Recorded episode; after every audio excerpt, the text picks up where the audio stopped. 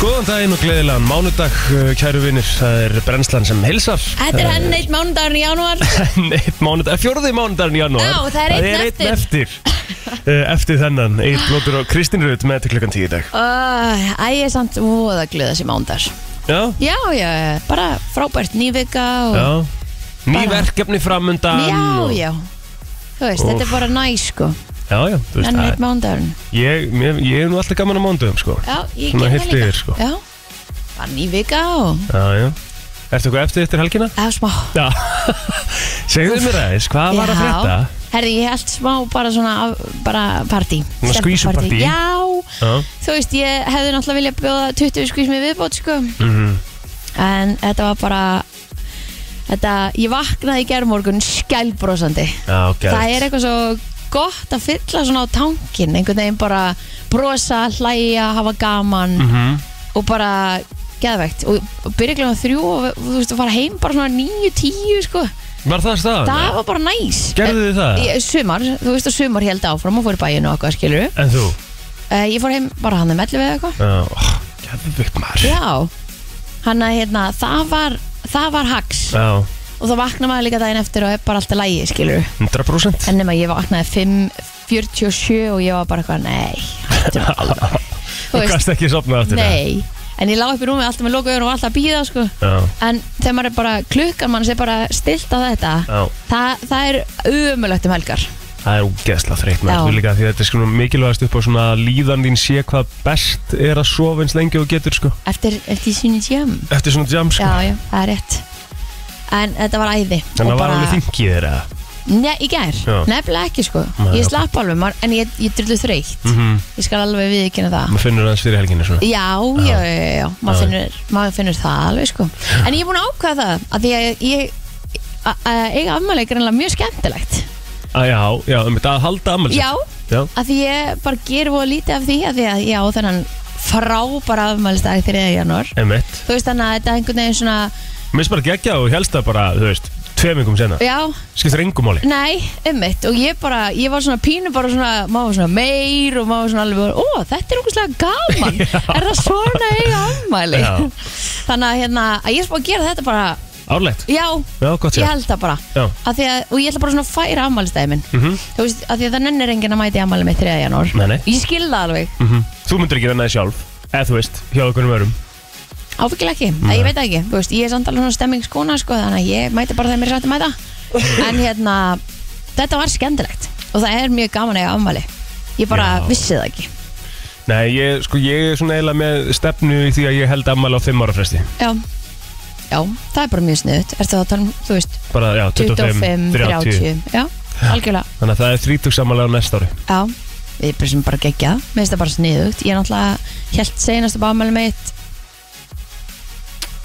já ég man ekki hvort ég held på 30 sammæli mitt Nei að þannig að það er alveg langt sér en ég held Það er afmæli mitt. rosalegt að halda ekki upp á 30 sammæli sitt Já, þú veist, ég- það- ég- þetta bara fylgir að því að svo einhvern veginn, Já. þú ert búin að hafa afmæli og svo svona einhvern veginn líður þetta hjá Mhm. og það er alltaf a- allir að tala um hvað janú er rumulur þannig að maður er ekkert eitthvað brjálæðast að peppa fyrir að vera, þú veist, með eitthvað en þetta ætti náttúrulega frekar að lýsa upp janúarmánuð að ég haldi þá upp á afmæli Já, ég er að segja, 100% Já, Breyti þannig að- því Já, ég er bara búin að breyta því Já. Ég fór nú alveg, alveg að svo skrallið aðna fyrstæðin eftir mínigarinn Já, var ekki gaman? Jú, bara mjög fínt Já, Þú þetta veist, allavega leit út fyrir að stemming já, var gaman, sko, nei, sko, geðvikt á mínigarinn við leiknum, sko Já. bara, Og þá svona sáma, ég fekk svona taste of it Þegar við komumst þarna yfir í, í fyrriháleik, Mm. skilur Já, það varð allt vitlis það tróð fullur kofi sko. Mhm. Þú veist, það var bara út af dyrum fullt sko. fólk stóð og horfði á leikinu mínigarnum sko. já, Þú geðvögt veist, það var geðvegt og, hérna, og við náttúrulega tókum allan pakkan fórum í, í kaldan og hérna,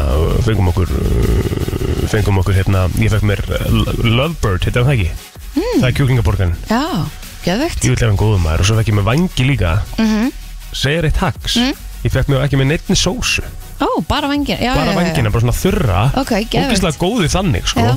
og svo var ég bara með barbekju til hliða sem ég svona Dippa. dippaði smá í sko. Ú. Af því ég er típu, ég vil ekki hafa Sniðugt. ómikla sósu á vengjónum mín Nei, nei, þannig að það var mjög gott já, trúir og, hérna, og svo, já, svo heldum við áfram að félagarnir fórum hérna, í nokkra bjóra og ég var að koma heim með eitthvað um 2-3 eða eitthvað Já, var þetta ekki bara gaman? Jó, ég finna það fyrir því núna Já, ég veit það þú veist, það er, það er alveg þannig Hvað er að okkur? Já.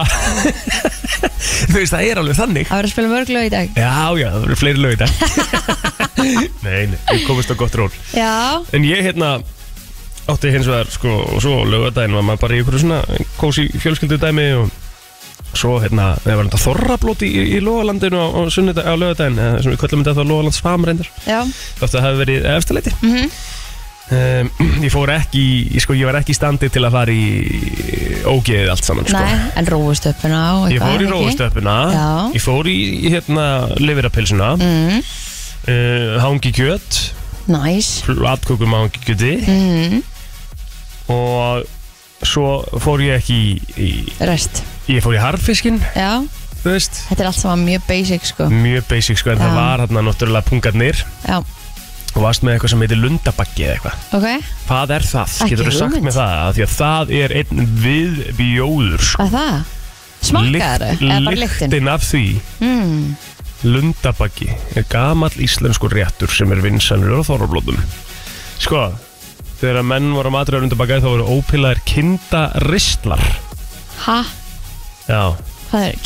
Kindlaristar kindaristlar Kindaristar já Það veit ekki Ristill hvernig úr það er heldur, kindum. sko. Oj. sem voru skapnir þegar voru segast ristir eftir endilöngu, skapnir, þvegnir og lagðir í saltvatnum tíma þeir var síðan vafið utan um kjötstrengir alltaf lundur í fyrir tíð en eftir var verið að selja kjötstrokk í kaupstað var oft haft annað kjötmeti með í lundabakka utanum vafningin var langoft saumuð þynd það gæti líka verið magáll eða vömb Hvað gengur á?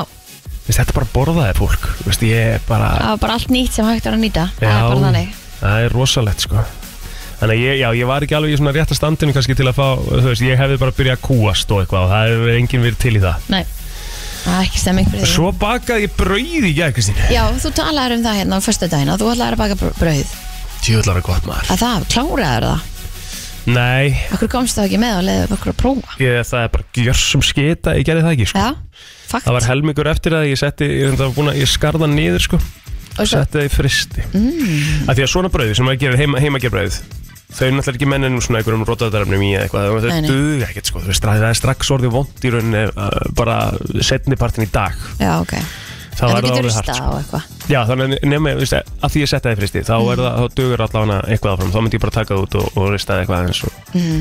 Þetta var svona cheddar and herbs Nice. brauð, sko, það geðvögt Og hvað, spyrir ostu bara á þetta? Já, fekk að hefast í fjóra-fimm tíma og svo hérna bara, já, var þetta bara smjör og ostur og svo gerði ég reynda túnfissalat líka Mm.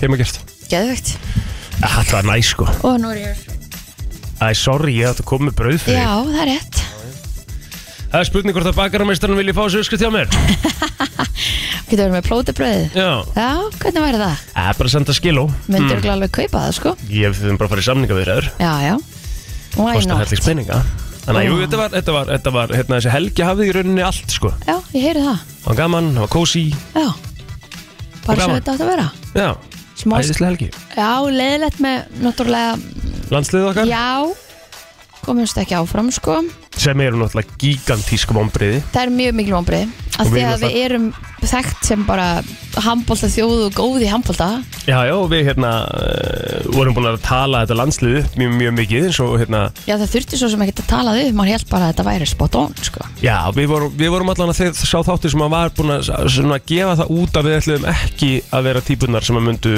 vera að lækka væntingarna fyrir mót Nei, nei. við, við vildum bara hafa þær háar, af því Já. það er átt að vera háar og ég menna sangat öllum veðböngum í heiminum Já, Þú veist, og það er nú eins og Teddy Ponsa kom inn á í handkastinu ger, ég fótið þeirra og við tókum upp hérna, ég og Arnáþur vorum í handkastinu og hérna Teddy Ponsa kom aðeins inn á það í þettinum í gæri að, að hérna The Bookies Knows þú veist mm. og í öllum veðbökum vorum við í top 5 já um mitt skilum mig, Svolítið fyrir langt mót frá því fyrir mótið sko mm -hmm.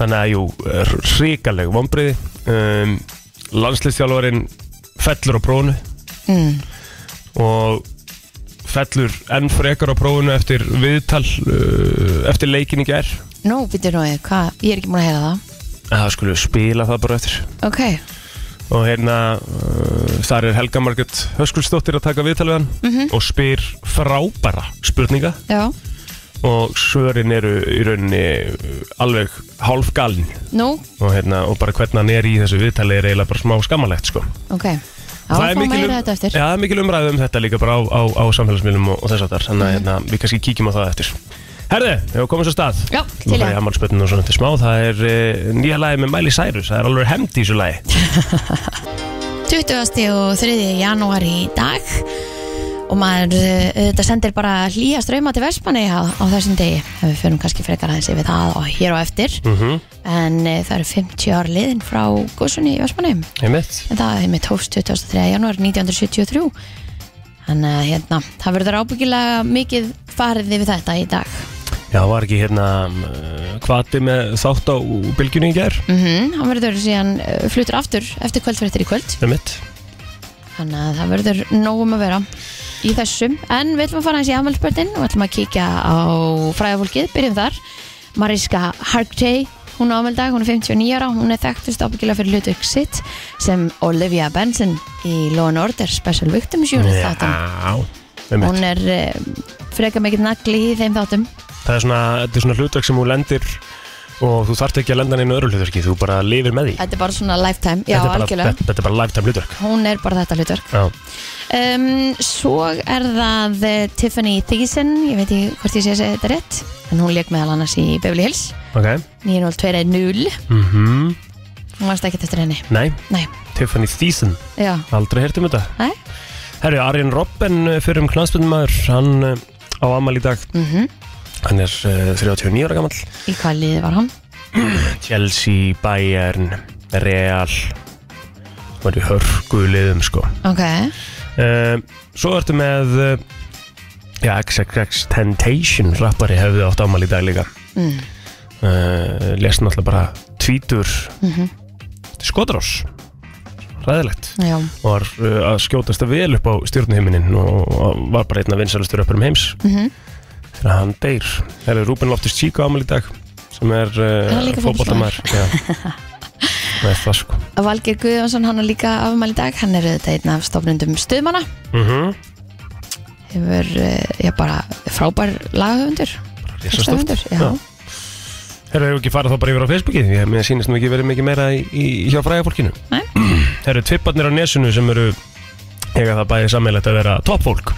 Lóisa Birta Sveinsdóttir og Axel Fannar Sveinsson eiga ammali í dag. Mm 27 ára gömul Svo held ég að þetta sé svona nokkurn veginn komið hjá mér Já, algjörmeistar hún Fanney Bjarnadóttir, hún á afmældag hefur um komið hingað frá Grónni viðtal til okkar. mm Um, þá er það bara upptalið mér líka, sem leðis. Sagan, og eins og við vorum kannski aðeins að snerta inn á þarna áðan, þá var það fyrir 50 ára síðan sem að eldgóðs hóst á heimæ Já. og þetta er náttúrulega bara einn uh, merkasti söguviburur okkar Vá, já, þetta er, gos, er bara fyrsta eldgós sem að hefst í byggð á Íslandi mm -hmm. og því var svona formulega líst eh, lokið þann 3. júli sama ár. Um, þetta var einstakt og þegar maður heyrir með fólk tala um þetta, það hérna, hafði verið brjála veður þannig að allir bátar voru komnir inn í höfn og svo bara leið og byrjar að gjósa þá hættir þetta vonda veður sem að greinlega var hana Mhm. og allir bátar náttúrulega til taks til að ferja fólk í burtu Já, betur fyrir maður þetta var bara, þetta er bara þetta var svo ment og bí einhvern veginn og Mhm. bara svo stórkoslegt og náttúrulega á, ég á á fullt af, af skildmennum sem að voru aðna og svo á ég líka skildmenni sem að fóru til eiga til að aðstöða með um mitt Þú veist, þannig að maður hugsa með sér eins og afi minn fór hérna, hann er smiður, fór Mhm. til Vestmanni til að hérna, hjálpa til við að Endur byggja Nei, já, nei, hann fór þegar að gósi var til að hérna loka fyrir glugga og, og sitja þú veist sperrur þar sem þurfti og Já, til já, að já. reyna að bjarga því sem hægt er að bjarga með um mitt að þegar þú heyrir eitthvað herðu, það er eldgós, við þurfum hérna að fá fólk já, ég kem, Já, skilur, hvernig Ótrúlegt. Mhm. á eigu, það sem er eldgós hvern, hvar færðu, já, ég kem hugsunna upp í hausuna þér, sko bara herri ég er Þurfti að bara á fara- kafi í verkefnum núna sko Já. ég, einmitt, þetta er algjörlega einstakt Já, en svakalegt þangað fór hann með skipi Já, en hérna, þetta eru þetta bara mjög, hérna grói í manna minnum hann og Mér langar að vita meira um þetta sko, ég einhvern veginn hef aldrei tekið uh, það almennilega á mig að kynna mér þetta nógu vel sko Mhm. Þannig að mér, man- mér langar ógeðslega að fá eitthvað í, í smá sögustund sko, Já. hvernig þetta var allt saman við ættum kannski bara að heyra í Írisi, bæjarstjórnum hann getur sagt okkur aðeins meira um þetta Já, mitt Þannig að þetta er algjörlega einstakt og líka bara hvernig fólki tók á þessu og, og, og þeir sem að snýru síðan tilbaka Já, algjörlega magnað fólk sem að bara einmitt lakkaði til að komast heim til sín en hérna, fyrir þá sem að hafa ekki farið á einmitt, eh, líka góðsafnið í Vestmanneum Ég var náttúrulega það eftir þurfa að gera það bara það er algjört möst og þetta Andrisdóttir sem er þetta fréttakona hérna stöðu eða fyrrum hún, sem er úr Vestmannaður líka, hún les inn á og þú færð svona til að hlusta á Já, þess að þú kúl. færð í gegnum þetta allt saman og þarna er þetta heilt hús inn á þessu safni sem að varð undir þannig að hérna, þetta er- þetta er alvöru? unik safn, já, algjörlega bara Tjóðal þarf ég að kíkja á þetta maður tjúlað, Akkur hefur maður ekki farað, akkur er maður að skoða okkur á mjaldra Akkur fer maður ekki þetta mér finnst bara skrítið og hafa ekki farað hana, ég er búin að fara hana þrísvar Já, og mér finnst þetta alltaf ég magnað að fara hana tjóðal svo reglar þetta mm -hmm. Herðu, uh, það er sem degi 2007 Ríkisútvarpinu var breytt í ofnbært hlutafélag Það er nú kannski ekki frásöfu farandi En baráttu samtök eldri borgar og öryrkja voru stofnum á þessum degi líka 2007 Svo held ég að sé nú ekkert eitthvað rosalega mikið þannig í sögunni Við Nei. getum ekki kannski bætt miklu eh, við svolítið stutt Og svolítið stuðt Já. Nú veist, ég- það er talað um eitthvað pebbulstjallur Þú veist, ég bara aldrei heyrt um þetta Hemi? um, En þú veist, það er greinlega eitthvað sem að voru kannski fyrstu snjallurinn eða eitthvað Það er bara ekki hugmynd kom úr 2013, það var ekki mörg kom úr 2013 Nei, hvort það sé ennþá líf í dag er svo allt annað mál sko. já, þau eru líka svolítið stór Fyrir það risastór mikið. Já. En þetta virkaði bæði fyrir Android og iOS stýrkerfin já. Þannig Þú að fengið þetta þetta sé ekki orðið að Apple úr í dag þú veist fengið þetta frá 99 dólarum eftir 1250 dólara Já, þannig að þeir voru alveg með hérna, alveg nokkra típur já, sínst það það Herðið er það bara fréttilega yfir lit og, og sport eftir smá held ég Frétta yfirlit í brennslunni Þú maður kíkja aðeins á yfirleitt frétta og við ætlum að byrja á því að fara yfir uh, lauruglufréttis.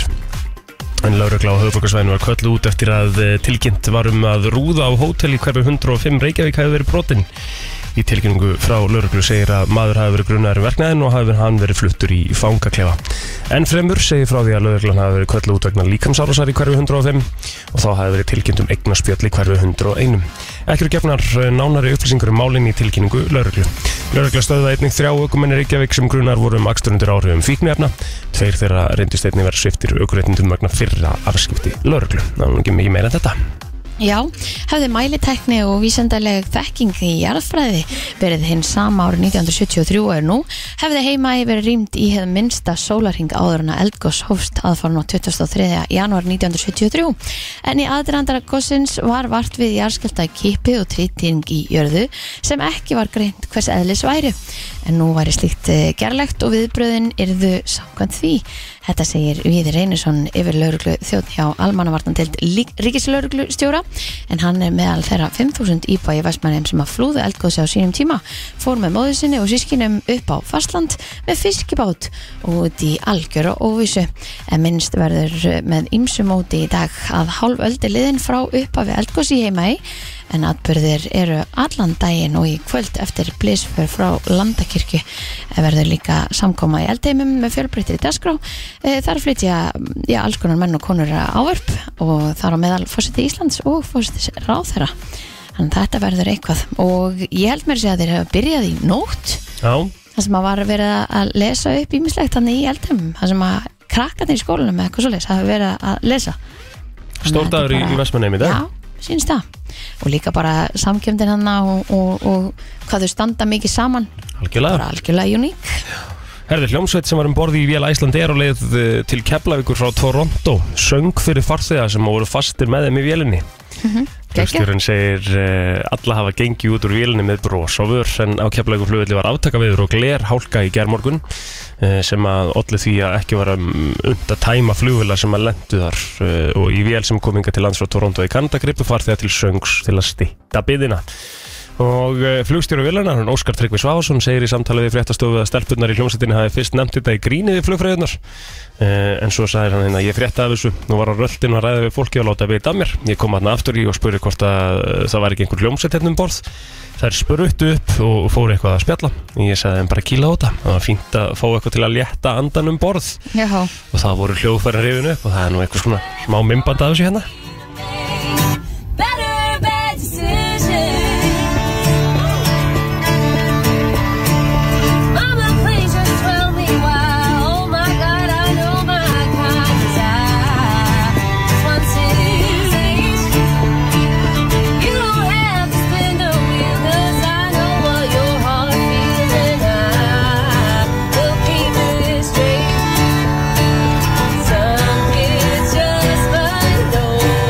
hérna. Er það að vera að vera í Counterlight Accents eða? Já, ég, ég, þetta, er bara, þetta er bara fínasta lag sko Og Já, hérna, skemmtileg röddun og fiðla og gítar og geðvikt bara veistla sko Við þurfum eiginlega að komast að því hvað ljósa þetta er Rétt Mér sem var virkilega góð Einhver sem var í þessari vél er að hlusta og hérna Það, ég er bara Þetta er geðvikt geðvikt Hvað rugl er þetta? Ha, Bara veistla Ég var nú að ég sá er nú bara að að rifja upp veskið og Já, ég sá nú að hérna Það voru einhver á Twitter að væli við bara það sem ég hrættastur við í heiminn Eitthvað að vera fastur í einhverju flugvél og einhver myndi taka upp Þú veist, og hafa ekki húmar fyrir því að einhver byrjaði að taka ykkur á tónleika hann, sko Í Er þetta ekki- alvörunni? Er þetta ekki bara Ha? geggjað það? þetta er bara geðvikt Já, er þetta ekki svona svolítið að vera þetta fulla ekki móti eitthvað? betra að vera heldur en að sitja þegjandi í einhverjum flugvel, Já, tuðandi við því nákvæmlega. að þú sért hana í einhverjum aðstæðum sem bara er ekki hægt að breyta Ég er sammála, sko Þú veist, Þetta er umulögt bara- að vera fastur í 11 tíma flugvel ég algjörlega þú átt alla mína samúð Mhm. en er þá ekki freka bara að reyna að hugsa jákvæmt heldur en að vera tuða enda meira Ég held það, veistu maður satt um það?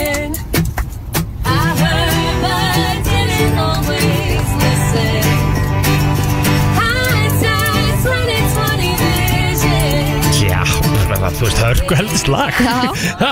Geðug, synguna Já Herra, varstu með eitthvað í sportinu? Herri, já, já, ég er með eitthvað í sportinu Það er uh, eiginlega bara frekar nóg, nóg um að að vera í, í sportinu í dag eins og stendur hérna, fjölbyrgt dagskrá á rásumstöðu til sport í dag og í kvöld klukkan átta er komið að setni bylgju kvenna á dagskrá það verður farið við alltaf helsta sem gerðist í síðustöðum fyrir ólistildar kvenna í ámbólta 17.30 og sport 3 er Bologna og Cremonese í seri A Eh, það er sem sagt ítalska úrstöðin í fótbolta 1935 er svo annar leikur í þeirri dild, Inder á móti Empoli þannig að það eru hörkuleikir þar og svo 13.30 þá er uppbytun fyrir 5. dag blast premjörmótsins í Counter Strike á stötu e-sports klukkan 14 er svo fyrir leikur dagsins og annar leikur hefst klukkan 17.30 Game TV á sínum stað klukkan 8 í kvöld Já, viðstofan reiknað með strekkings vestanátt uh, norðan til á landinu fram eftir morgni en annars megi búast við hægum vindi í dag. Uh, bjart veður og kalt en í höflingu viðfræðings og við viðstofana segir að næsta læð komi í kvöld. Viðstan strekking og úrkomu fyrir sunnan en uh, einnig í norðan til í nótt frostalandinu í dag verður á bylunu 1 til 8 stig. Það hlánar svo verður hiti á morgun á bylunu 3 til 8 stig með strekking suð vestanátt og skúrum. Þannig að það er bara heitt, kalt, heitt, kalt, heitt, kalt Já, núna næstu dag. er Þannig þetta ekki sér þetta fyrir nú ekki vel með allt einhvern veginn Nei, það ég er hann svona að skipta með haldið ekki sko. Svona Nei. með að við brasi hérna í gær. sem að, Það var náttúrulega bara brjálaðislega mikil klaki undir öllu. já, já, já Það var bara, Einmitt. ég meina það var heil flugvél sem að rann bara í kviðunum sem að voru hann að kemla. Rannarni ring og Já. Ná, Er eitthvað komið út úr því? Er, er, er komið hérna, var eitthvað tjón á vélinni eða landganginum? Allavega tjónaland, já, já, það er mynd af þessu inn á vísi.is þar sem að Já. það sést nú bara hversu beiglaðir landgangurinn er eftir, var eftir þetta. Hefni Þannig að að höggið hefur verið eitthvað. hefnahafingin verið í vélinni, Já, absolutt. gríðilega hefni. Herru, já, við ætlum að segja að þetta er gott að frétta yfir litið, við höldum áfram með brennslinu þetta verður að skoma stund, það er svona ekki, eh, ekki alveg víst hvort að helgin okkar eh, kíkir til okkar á eftir, Mm en við fáum hins vegar keppindunar sem að dutt út úr ædolunu síðastliðin fyrsta dag, við ætlum að taka þær í smá spjallina í kringum hálf níu og eitthvað, þannig að það er nóg um að vera hjá okkur. Lifðu FM Hér er komið að lægi dagsins Í brennslunni Já, við erum alltaf búin að tala um það svolítið í þessum þætti að eh, það er 50 ár liðin frá gósi í Vestmannum Mhm. þannig að við ætlum að tilenga lagi dagsins uh, Vestmannum og Vestmanneingum mm -hmm. Ertu búin að ákveða hvaða lag ætlar að velja? Úf, nei, þetta er nefnilega svolítið hérna, erfitt að velja Mhm. og hvað þá er mitt að velja fyrir hönd annara, ég veit það ekki, við getum sko, þjóðutjálagi 1973 Mm Mhm. var lag sem heitir eh, Við höldum þjóðutíð eftir Átna Jónsson og Áþór Helgason Mhm. ég veit ekki hvort það er til sko, Þetta er Gísla Helgarsson og Átnú Jónsson hann stendur hérna Áþór en það er kannski villisa Já, þetta er allavega til hinn inn á Spotify sko Já, Þú veist, ég vil, hvernig hljóma það? þú veist, vil, Ég aldrei heyrt það. Ekki heldur Hefur að prófa þetta? Nú, Það er einhver Hvað ertu að hérna- spila Já, þarna? sorry, hérna, komið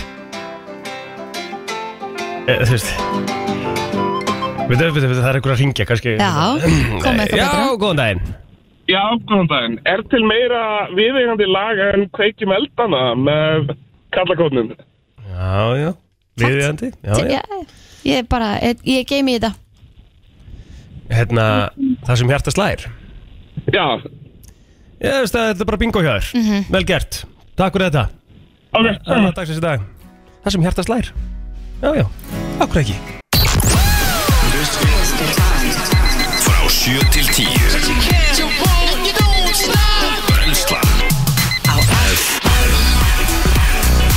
Það er akkurat þannig, brennslan af 5957, Egil Blótur og Kristín Rutt með þér í dag til klukkan 10. Velkomin að fætur, eða þú varst að vakna. Ég er með smá pælingu uh, sem að ég ætla að spyrja þig að og hvort að uh, þú í gegnum tíðina hafi haft uh, átt uh, bara lucky number. Ó, nei, Aldrei. nei Eða, þú veist, hva- hvar, hvar ætti ég að kynnast a lucky number? Já, en þú, já, þú varst ekkert í handbóltanum eða fótbóltanum svona, þú þurftir að vera númer eitthvað Nei. í treyjunni eða... Nei, Nefnilega ekki, sko mæn. Finnum maður hana þar? Sko, ég var alltaf númer fjögur Já uh, í fótbóltanum, 24 í handbóltanum. Mhm. Mm.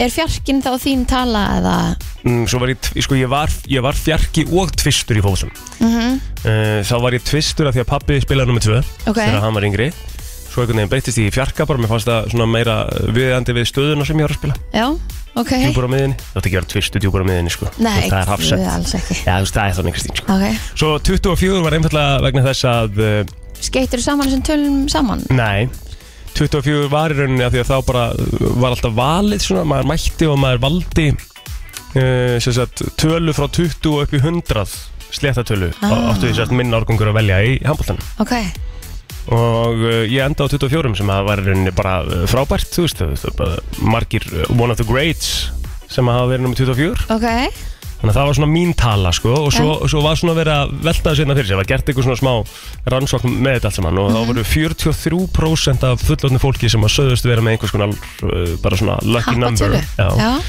og aðrar svona hvað á maður að segja, bara svona oh, hvað heitir þetta, nú er ég að leita að orðinu svona rituals, svona hefð bara já sem maður gerir svona fyrir á leik eða eitthvað, skilur við, þegar maður svona, þú gerir eitthvað, eitthvað Ferði Mhm. í spes sömu nærbuksunar og já, það- hérna tikar þrísar einhvers staðar Já. og eitthvað Já, já, Og já, ég já. ætla að spyrja sko fólkið úti sem á endilega vera með okkur 511-0957 að þið voru með eitthvað svona spes sem að þið gerðu alltaf þegar þið var að fara að gera eitthvað mm Mhm. Af því að þú vannst einhver tíma þegar þú varst í þessum nærbuksum og þá bara einhvern veginn heldur þau við þær Já, Já, já, fara í Einmitt. sömu sokkana og Þetta er- klæða sig þetta í er náttúrulega- vinstra og undan hægri og, og ert smá hjátrúafull Þetta er hjátrú, já. Já, þetta er hjátrú, hjátrúin. sko og mér langar ógeðslega að heyra ef það er einhver annar úti er með eitthvað steikta hjátrú eða þekkir eitthvað sem var með eitthvað steikta hjátrú sem að gerða á game day sko, þú veist, eitthvað svo leiðis bara í ö- öllu sem að tók sér fyrir hendur Já, ekkert endilega game day, ég heldur bara Nei, ég er að segja oft, það. oft á tíðin bara í lífinu, sko Já, varst þú Það- með eitthvað svo tileinkar leiðis? eitthvað svona Nei, ég hef ekki verið með neitt Nei, Ekkert svona, ekki svona mikla hjá, eh, Ég kannski lappa ekki undir stiga eitthvað þannig nei, En ekki, nei nei FN, góðan daginn Góðan daginn. Góðan daginn Ég get ekki stíð á holræsi og hef aldrei getið gert. Þú er aldrei Á getað holræsi? stíðið á holræsi Hvaðan kemur það? Af hverju ekki? Uh, ég veit ekki af hverju hvaðan það kemur, bara hausin minn segir að það gerist eitthvað slæmt ef ég stíð á holræsi, þannig ég bara stíð ekki það. Og hefur Já. einhvern tíma lendi í bara svona að vera að labba og bara nei, djöfullin ég steig á helvítis holræsið og Já, þetta þá verður ég alveg bara, þá verður ég stíð, þá er ég, fer ég bara að panika að segja hvað var að gerast. Ég er ekki svona gáttrúafell, ég það er eitthvað brent í hausnum á mér, ég veit ekki hvað þetta er. En, en vákvæði hvernig fyndi líður þér, þú veist, að, að, að, hvað myndi gerast? Þú verður bara hrætt, þú verður bara instant hrætt Mér það gerist eitthvað styrst, svona asnalegt, ég fer að labba á veggina. Já, já, já, ok Ah, Djöfull er það áhugavert Já. maður. Já, takk fyrir Mjög þetta óþægt. Það er holræsi alls já, Já, já, rétt. svo er það Ekki verið mikið um að renda upp á síðkasti Þú verður verið þakkinn snjó, þú verður ekki verið vesinni Síðustu dag Nei, Herru, takk fyrir þetta njóti dagsinn. Takk sem Bless.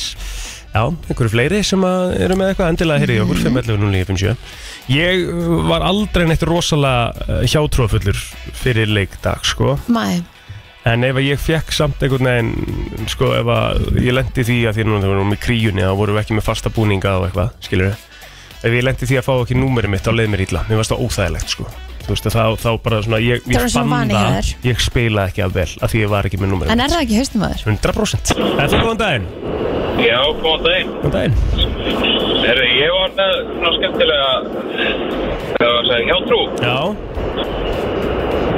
Ég spilaði alltaf í sömu uh, hjólabuxuna frá mömmu Já í, í handbóltanum. Já, Ok. næs Af hverju, hérna, af hverju þær hjólabuxur, hvað var það? Bara, það var eitthvað sem byrjaði og byrjaði að spila í því og glemdi í þrjáleiki einhvern tímann. Já, Það glemdi þér heima og við töfbuðum með að gera játtöfli í það skipti. já og, þú, Nei. og þú áttir ekki þinn besta leik Nei, nei, nei, nei, nei, nei.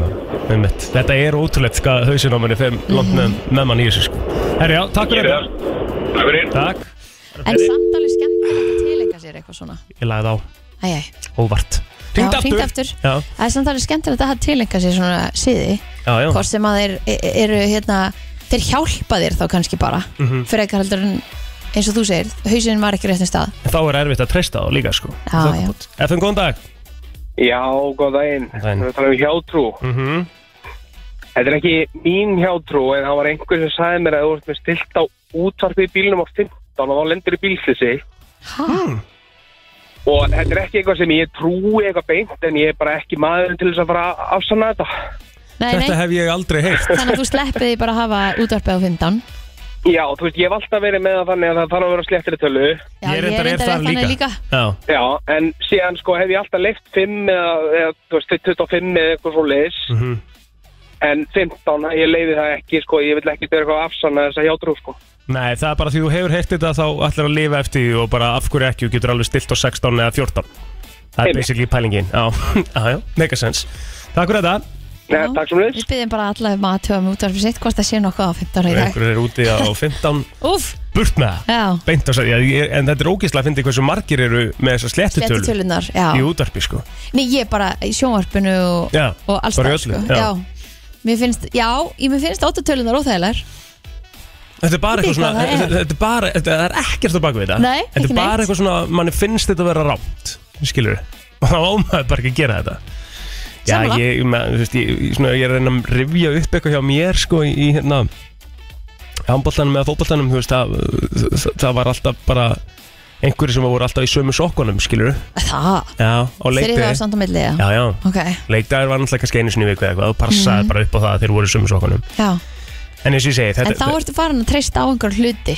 Já, ö- upp á þína framistuð mhm sem er held ég ekki gott sko eða hvað, eða þá hún gefið þau kraft Þetta fer, it works both ways sko. Já, ég held það og byrjar síðan að kenna þeim sokkunum þá um ef þú tapar eða- Alltaf, já, gæst líka alltaf, þetta er góð punktur Þú gæst þú gast svona tvítryggja frammistöðina Skilur já, já. Ef eitthvað fór úrskeiðis og gæst alltaf kent uh, sokkunum um eða þú varst ekki í sokkunum sko. Einan svona hjátröf dæmið sem að ég ger allavega alltaf er einmitt þegar einhver segir eitthvað svona já, hefur þú ekki lendið þessu eða eitthvað þannig að þá svona gerir maður svona banka svona þrísvar Já, herðu, góð punktur Já, Maður gerir það alltaf já líka Það er eitthvað svona sem er svona alveg fast Ég hef aldrei hérna, brotið bein einmitt og það bara 7.13 Já, maður, ég verð þarf að að gera vera það sko. við eitthvað og undirborð og, já. Það er góð punktur maður, ég, ég Og- held að það sé langflestir í því og sko. maður veit ekkert af hverju maður gerir þetta þetta er bara eitthvað sem maður hefur alltaf gert Já, og þetta er líka annars svona dæmi sem maður, bara, maður gerir bara þú Já. veist, af Því að ef, ef að þú gerir það ekki þá gæti eitthvað gerst Já, skilur. Þú bara svona akkurat. tryggir þig Já, Já, þetta er aðtilsvært, hvað við erum svo- þetta- Pældi hvað þetta er spes, hvað við erum spes uh, verur stundum svo Manneskja. eru margir sem að eru bara algjörlega á móti öllu svona bara, ég, pff, Ekki þetta er bara lífi, ég bara tek já, ég tek ekki þátt í einhverju svona ég bara labba undir stiga, bara labba undir stiga ég bara, Einmitt. þú veist, brjóta speil guð, gæti ekki verið meira sama Mér myndi líða illa, ég myndi byrja á ste- speil, sko ég, og þið myndi líða illa í næstu sjö árin að þið út bara, eitthvað, ok, nú er þetta bara ok FM, góðan dag Góðan daginn, ég fekk bara illt í hjarta þegar þau sögðu þarna, ég hef aldrei búið brott bein. Þannig að ég, ég sagði þetta nefnilega eins og hvað þetta ég gerði daginn eftir. Já, þú brotnaðir Jöp, En gerður þú 7.9.13 þegar þú sagði það? nei, ég var eitthvað tíu ára eða eitthvað, ég veit ekki Já. nei. Við gerðum bæði 7.9.13 núna Já, Þannig að við erum ég, safe ég ætla að gera þetta í kymvinuna. Já Ok, njóttu dagsins, takk fyrir að ringja einmitt, Ok, maður er nei. smá brasið, maður er að segja eitthvað svona maður er að keira, Hefur þú brotið bein? ég hef ekki brotið bein Nei Það mátti ekki gera svona Ég er 13 ok. gull tryggja mig á Er ekki svolítið spes að við sitjum hérna tvö í stúdíun og hvora hvora okkar brotið bein? jú, flestir hafa nú eitthvað brotið eitthvað Það ekki? jú, Já, e, tjók, ég er að ljúa þú hefur brotnað Ég, eh, já, eða brákað rifbein á snjóbretti Ekki það sama Ekki það sama Að bráka eða brotna? Já, þú veist, það fór, ég held að hann ekki, það fór ekki sundur Mm, nei, það þarf ekki að þýða það sko Nei. FM, góðan daginn Hefur þú lendið ykkur svona, ertu með ykkur svona spes hjátrú? Uh, ég hata föstudaginn 13. Já, Já. þú meika það ekki Nei, Það er margir á sama stað, sko Það hefur Ég- aldrei trublað mig Já, Eh, ég misti eins og síma hans pappa minn svo nýtt klósett að ég var eins yngri, það var ekki gaman. Já, og veistu hvað leik í símanum hans pappa eins og Já, á, þreytt það er svona gott að passaði mig alltaf á föstudag 13. Já, og svolítið skart eftir það Já, svona, já, og svo er maður líka búin að heyra þú veist, svartu kvöttur Já, fyrir, fyrir framhjá. mér finnst það óþægilegt líka þegar svartu kvötur leipur yfir Já, kvötuna það Já. finnst mér óþægilegt Ég er það múna, já. Takk fyrir þetta En það er einhvern veginn, ba- ástæðan er bara fyrir því að því það er bara búið að segja manni það Já. Það er ekkert meira á baku það heldur en það Nú vorum við til dæmis bara hérna rétt á milli laga þá var ég að segja frá óþægilegum draumi sem er mitt reymdi Ömmett og, hérna, og við fórum bæði bara, ertu búin að tjekka á því og ég bara svona, þú veist, nei, ég geti ekki gert það því að þetta tengdi sérst sinni mínum og hérna, og mér fannst eitthvað svo óþægilegt að gera það, þannig að ég bara, en ok, fuck it við bara ákvæðum að láta á slastanda og Já. ein síðan sagði að þetta væri fyrir veikindum og Mhm. eitthvað bla bla bla skilur, og ég bara eitthvað svona, nei, þú veist, tek ekki marka á þessu ruggli maður Já, svo fer ég að finna okkur annar síðu þar sem að segja bara, heyri, Eitthvað þetta betra." hafði ekki neynir Já. á að gera þessu kæftin bara hérna, þú veist, þetta er bara þetta er þetta verður bara, ekkert veist, þetta er bara frábært Já, Og þá bara var einhver- ég alveg, já, tek þessu já Vel þetta og þá var ég bara sáttu, Já. það þurfti ég ekki meira sko. Nei, þannig ég ætla bara að taka það með mér út í daginn og ég held að sé hægt að Draumar. segja þetta já, ég held að sé hægt að segja þetta við allt sem að maður í einhver svona hjátrú skilur. Maður getur alltaf tekur fundið bara- eitthvað jákvæmt og eitthvað neikvætt. já, já, og þá bara finnum maður jákvæða hlutin og, og er í góðum gýr Já, ekki? nákvæmlega ekkert meira viðjandi á mánudaginn þetta lag what a song þetta er bara eitt besta lag allra tíma Eitt, já, þetta er gott lag Þetta Veit er ekki þitt hvort besta þetta sé lag allra eitt tíma. be- Nei, þetta er besta boyband lag allra tíma mæ En, víst, en þetta gekkja lag, algjörlega ógeðslega gott lag Já, mjög gott herðu, já, ég er mína skoðun á þessu lagi Já, sko. ég hef mjög gott lag En ég ætla ekki að setja þetta þannig upp Það er í besta bóiband lag allra tíma hvað er besta boyband lag allra tíma þínum að Bara ekki þetta víst, Nei, en víst það er alltaf lagi já, herðu, nóðum það Já, Eh, við- ædoli voru á föstudaginn já, Þetta voru óveind úslitt Já, já, þetta, hérna, þetta, þetta er allt svo góði söngarar maður Já, ég held líka bara Eftir því sem að, um það fæ, þar var eh, Við erum komin ennum með Jóman Mhm. Þú veist, þetta eru bara úslitin, þeir sem komast í live þáttinn Og svo þarf að fara að kjósa það í burtu Besta fólkið, Einmitt Mhm. þú veist, þetta er bara sjúklega erfitt Þess vegna er svo mikilvægt að kjósa þann sem að manni þykir bestur Mhm. eða þú veist að kjósa sitt fólk Emmett hvert atkvæði skiptir máli, ég meina þið sjáu það, sjáu það á föstudaginn þá er Og því líka tvistið, já, þetta er já, tveir út já, já, og sér það líka á föstudaginn að Bía sem að, að bara mörgum talin uh, líka með bestaflutningin í fyrsta Mhm. mm hún endar í, í, í bottom 3 þannig að það er engin örugur í þessu Mæ, ömmit Það er tólið spennandi, við ætlum að fara betur yfir það á, á eftir Við ætlum að kíkja aðeins á hérna, uh, viðtal við landsinsjálfarinn okkar í gær um, sem að náttúrulega mótið er búið, þú veist, við vitum það við erum ekki að fara áfram með fór millirili sem að e, ef að það hefði verið vitað fyrir mót, það hefði það náttúrulega bara verið gigantísk vombrið, þú veist, og, og þetta, þetta eru vombrið að liðið okkar hafa ekki komist upp uh, úr þessum reilu og þetta er í rauninni uh, þessar 15 mínútur hérna á móti ungverjum sem gera það bara einfallega að verkum að við förum ekki upp Hmm. um, svo er þetta að segja ímislegt um, um fyrirkomulagi handbolta skilur að menn og, og, og, og þurfa bara actually að vera að reikna hérna, hægri vinstri ykkur að þvílíkar jöfnur til að átta sig á því hvaða ymbirðisverið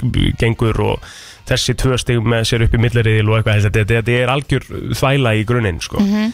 fyrir mér ætti þetta að vera þá bara eh, kannski fleiri liði í riðli eða eitthvað og svo er þetta bara 16 löguslitt, 8 löguslitt þú veist, það- sleppið sem milliriðli, Mhm. burt með þetta þetta er ekki neinu öðru, neinum öðrum íþróttum þú veist, þetta er bara í handbólta held ég alveg örugla og þess að vita kannski 100% meira um málið en þú veist, og það er búið að vera myndast mikil umræða uh, á, á samfélagsmiðlum varðandi þetta tiltekna viðtal sem að Helga Margrét Hörskustóttir teku við, við Guðmund landsinsjálfara eftir leiki gær og, og ég ætla að byrja á því að hrósa Helgu fyrir frábæra spurningar Já. réttmætar frábæra spurningar uh, eftir síðasta leik okkar á Europamótinu á, H- sorry, á, á HM í handbólta og hérna e, það hefur svona lengi verið talað um það að það, það, það vantar stundum kannski þennan mannlega faktor í, í Guðmund Guðmundsson þegar hann er að koma inn í viðtölu eftir leik að tala bara og sjá hlutina eins og þeir eru mm besta dæmið um það myndi líklega vera Arnar Gunnlaugsson þjálfari Vikings, hvernig hann svona var ferskur blærin í þessa þjálfara menningu að koma inn í viðtölu og bara tala hreint út og, og vera bara ó- ótrúlega ófeimin við að vera mannlegur eins og við erum öll sko, og það einhvern veginn bara breytti svolítið því hvernig maður horfir á viðtölu við þjálfara að mínu mati Já, það er svolítið talað um að hann sé alltaf í vörn Hann Hann einhvern veginn- Guðmundur Já, Og við skulum bara aðeins heyra þetta viðtal Þetta er fjárminna viðtal og fyrir þá sem að mista af því en, en hérna, ætlum að spjalla svo aðeins um þetta hérna eftir smástund en þetta er, byrjar á, á, á svona kannski eðlu nótunum að maður var svona, herrið, ok, hann er greinilega að fara bara í þægindin en svo koma svona spurningar sem hún finnst greinilega óþægilega að fá Mhm. og svari kannski eftir því, þannig að hlustum að sá það. Guðmundur, fyrsta lagi til aðmyggjum með Sigurinn En ef við byrjum í þessum fyrri hálfleik Varnarleikurinn þar, 22 mörg á okkur Hvað hva gerist? Já, við bara vorum ekki nægilega grimmir í- eiginlega á öllum suðum í fyrirháleik og uh, gerum ómörg teknimistök og misnótum sex færi og, og vörnin um, hún næri ekki saman og það er ekki markaslega heldur þannig að þetta helst allt í hendur og þess vegna fáum við þe- þessi hennar fjölda marka á okkur uh, Við töluðum svolítið vel saman í hálfleik það, ég skal alveg játa það að við þurftum að fara svolítið vel yfir eh, hlutina og, og hérna þetta snerist þá að kannski núlstilla sig og koma inn með þetta íslenska stolt og við erum að keppa fyrir landslið þjóðarinnar og það ég höfðaði til þess í hálfleik að menn þurfti að sína þessu meiri virðingu þessu verkefni hérna núna ég hef ekki oft þurfti að tala á þessu nótum ég gerði það núna og mér fannst leikmennir koma með stórkostlega svör í síðara hálfleik en það er síðara hálfleikurinn verður lengi minnum hafðu við náttúrulega vinnum hann 23-15 og algjörlega stórkostlega vel leikin og það kom upp betri vörn betri markvarsla uh, hraðuplaup og náttúrulega sóknarleikurinn var algjörlega stórkostlegur sko. Ef við tökum bara aðeins vörnina í heilsinni á mótinu uh, Er slæmt að það sé ekki plan B eins og bara bara til dæmis í þessum fyrirháleik Veistu það, eh, eh, sko, hvað heldur þetta sé eiginlega hérna? Plan B. Við erum að vinna hérna mjög erfitt lið sem að er búin að vera með jafn og erfiða leiki.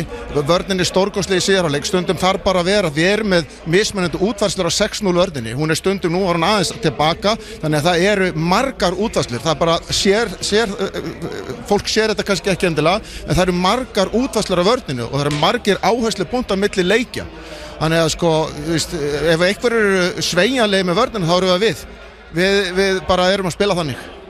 En sóknarleikurinn í heilsinni Já, stórkostlegur bara, þú veist, hann er bara í öllum mótunum bara frábær Það er komað auðvitað stuttir kablar hér og þar en og auðvitað svíður okkur þessi, þessir eh, margum töluðu 15 mínútur eða hvað þetta var þarna móti ungun það, s- okkur svíður það öllum áskaplega það er eiginlega þar sem að þetta fer frá okkur við erum að klára okkar dæmi hérna Jú, erfiðu leikunum móti svíjum en ég get ekki þannig að rósa leikmannunum fyrir þann leik og og síðan komum við hérna bara sínum og, og, og sönnum hvað var, í, í, í, í, hvað var spunnið í menn núna í setna hálfleik og ég finnst þetta al, alveg frábær framistæð hjá liðinu og bara hrefa mjög mikið róskilið svo vil ég enn og aftur þakka fyrir þennan stórbrotna stuðning uh, fólksins hér á pöllunum ég bara, þú veist, þetta er ótrúlega mikið svirðið fyrir okkur og var ómetanlegt að upplifa þetta og fá þennan stuðning þannig að hérna, ég er mjög ána með það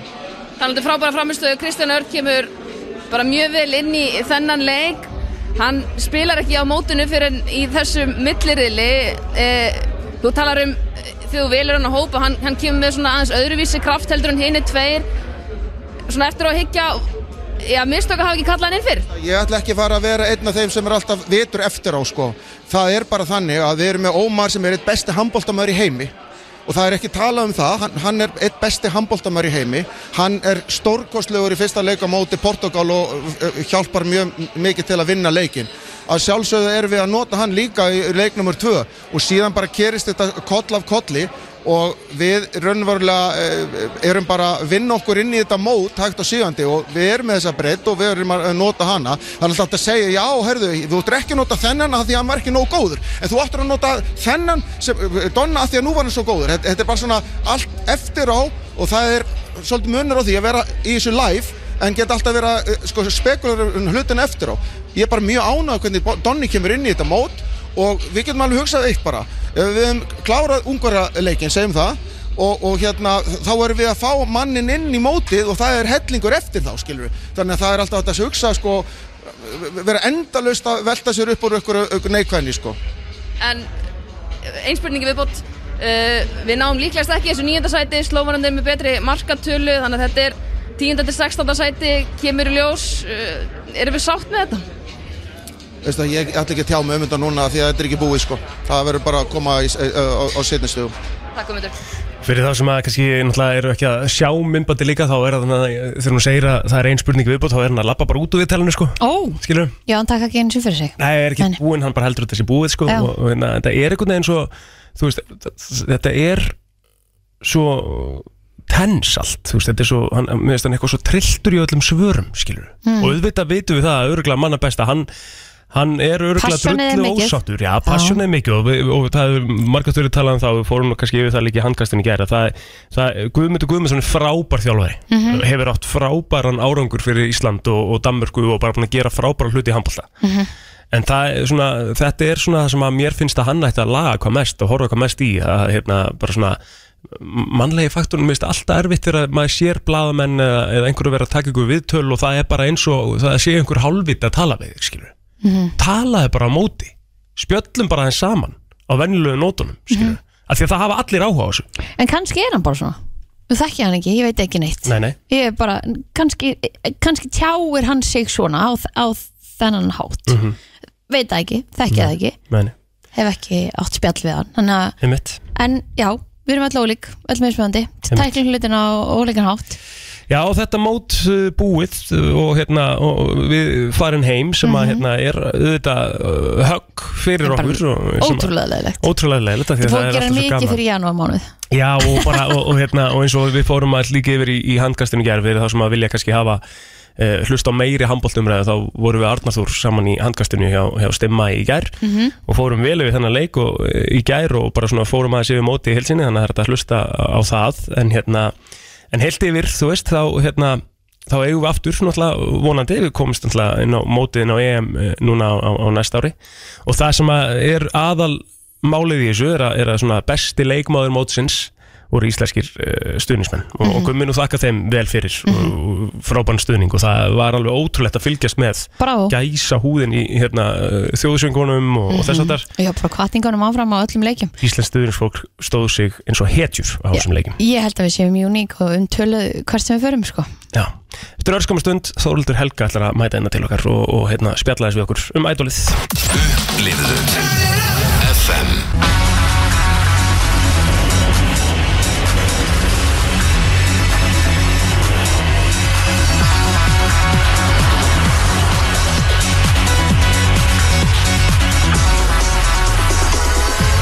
Það var risa ædol uh, föstudagur, síðasta föstudag eins og ávallt og uh, það voru uh, svona uh, hvað maður að segja, óvæntar fréttir í rauninni í, í lokþáttar að það voru tveir sem að, Einmitt. tveir keppendur sem að fóru heim Það mátti heyra bara sömnál detta í, í, í salnum sko, af því að þetta kom öllum á óvart það hefði engin hugmynd um þetta Nei, Þetta var algjört uh, twist svo er þetta einhvern veginn eins og við rættum aðeins í morgun, það er þetta svo útrúlega jöfn keppna af flottum söngurum að maður veit aldrei auðvitað hver geti verið á botninum Þannig hafa búið, búið að, að hérna, velja saman náttúrulega bara bestu keppinundar Mhm. sem fengu að fara áfram í liveshowin hvernig Einmitt. hann var að velja og að taka einhvern út af þeim bestu um mitt. Þetta, þetta verður bara erfiðar og erfiðara Hún er komin til okkar, Þórhildur Helga sem að eh, féll í miður út síðasta föstudag Hvernig er að hérna, svona, komast niður eftir helgina? Hvernig líður þér? Uh, ég lið bara vel sko, svona stressið er ekki lengur, ég er bara svona mjög róleg, skólinn að hefjast aftur, svona. Eðlilegt líf kannski að fara að taka, taka stað aftur. Já, eðlilegt líf sem ég er alveg smá fegin með. En hvernig, hva, í hvað skóla ertu? Ég er í MIT, mentaskólanum í tónlist. Hva, hva, hvernig virkar MIT? Akkur, er það nýr skóli eða? Uh, hann er alveg smá nýr, hann er ekki búinn að vera lengur en MH eða eitthvað þannig. Nei, nei. Hann er svona, um, þú getur uh, svona valið hvort þú sért á almennu braut, þannig að í svona öðrum skóla á meðan, Mhm. en ég valdi studentsbraut, þannig ég er bara í fullu tónlistan á mig. Spennandi, maður. Já, æfa söng. Geggjað. Nice. En hvað hérna, þú heyrir svona stefið sem við byrjum að spila núna áður en fórum inn í kynningan og svona færði svona smá fyrringi maðan að heyra þetta. Já, smá alveg, ég heyri þetta alltaf í YouTube. Já. ég veit það ekki, það er bara hana skrítið. Hvernig var þetta, þetta ferðalag? Ædol ferðalagið. Eh, Þetta ferðalag var mjög langt. þetta var lengra en ég var að búast við út í þetta byrjaði alveg eh, s- svona ykkur tíman um sömarið í fyrra og síðan er, er ég komin, núna er janúar Einmitt. þannig að það er svona, þetta er búið að vera svona, þetta er búið að vera mjög skemmtilegt í fyrsta lagi og mjög stressandi en samt svona mjög gaman og svona eh, mjög s- öðruvís upplöfun en Já. ég mun ekkert mann upplifa í lífinu mínu Mm -hmm.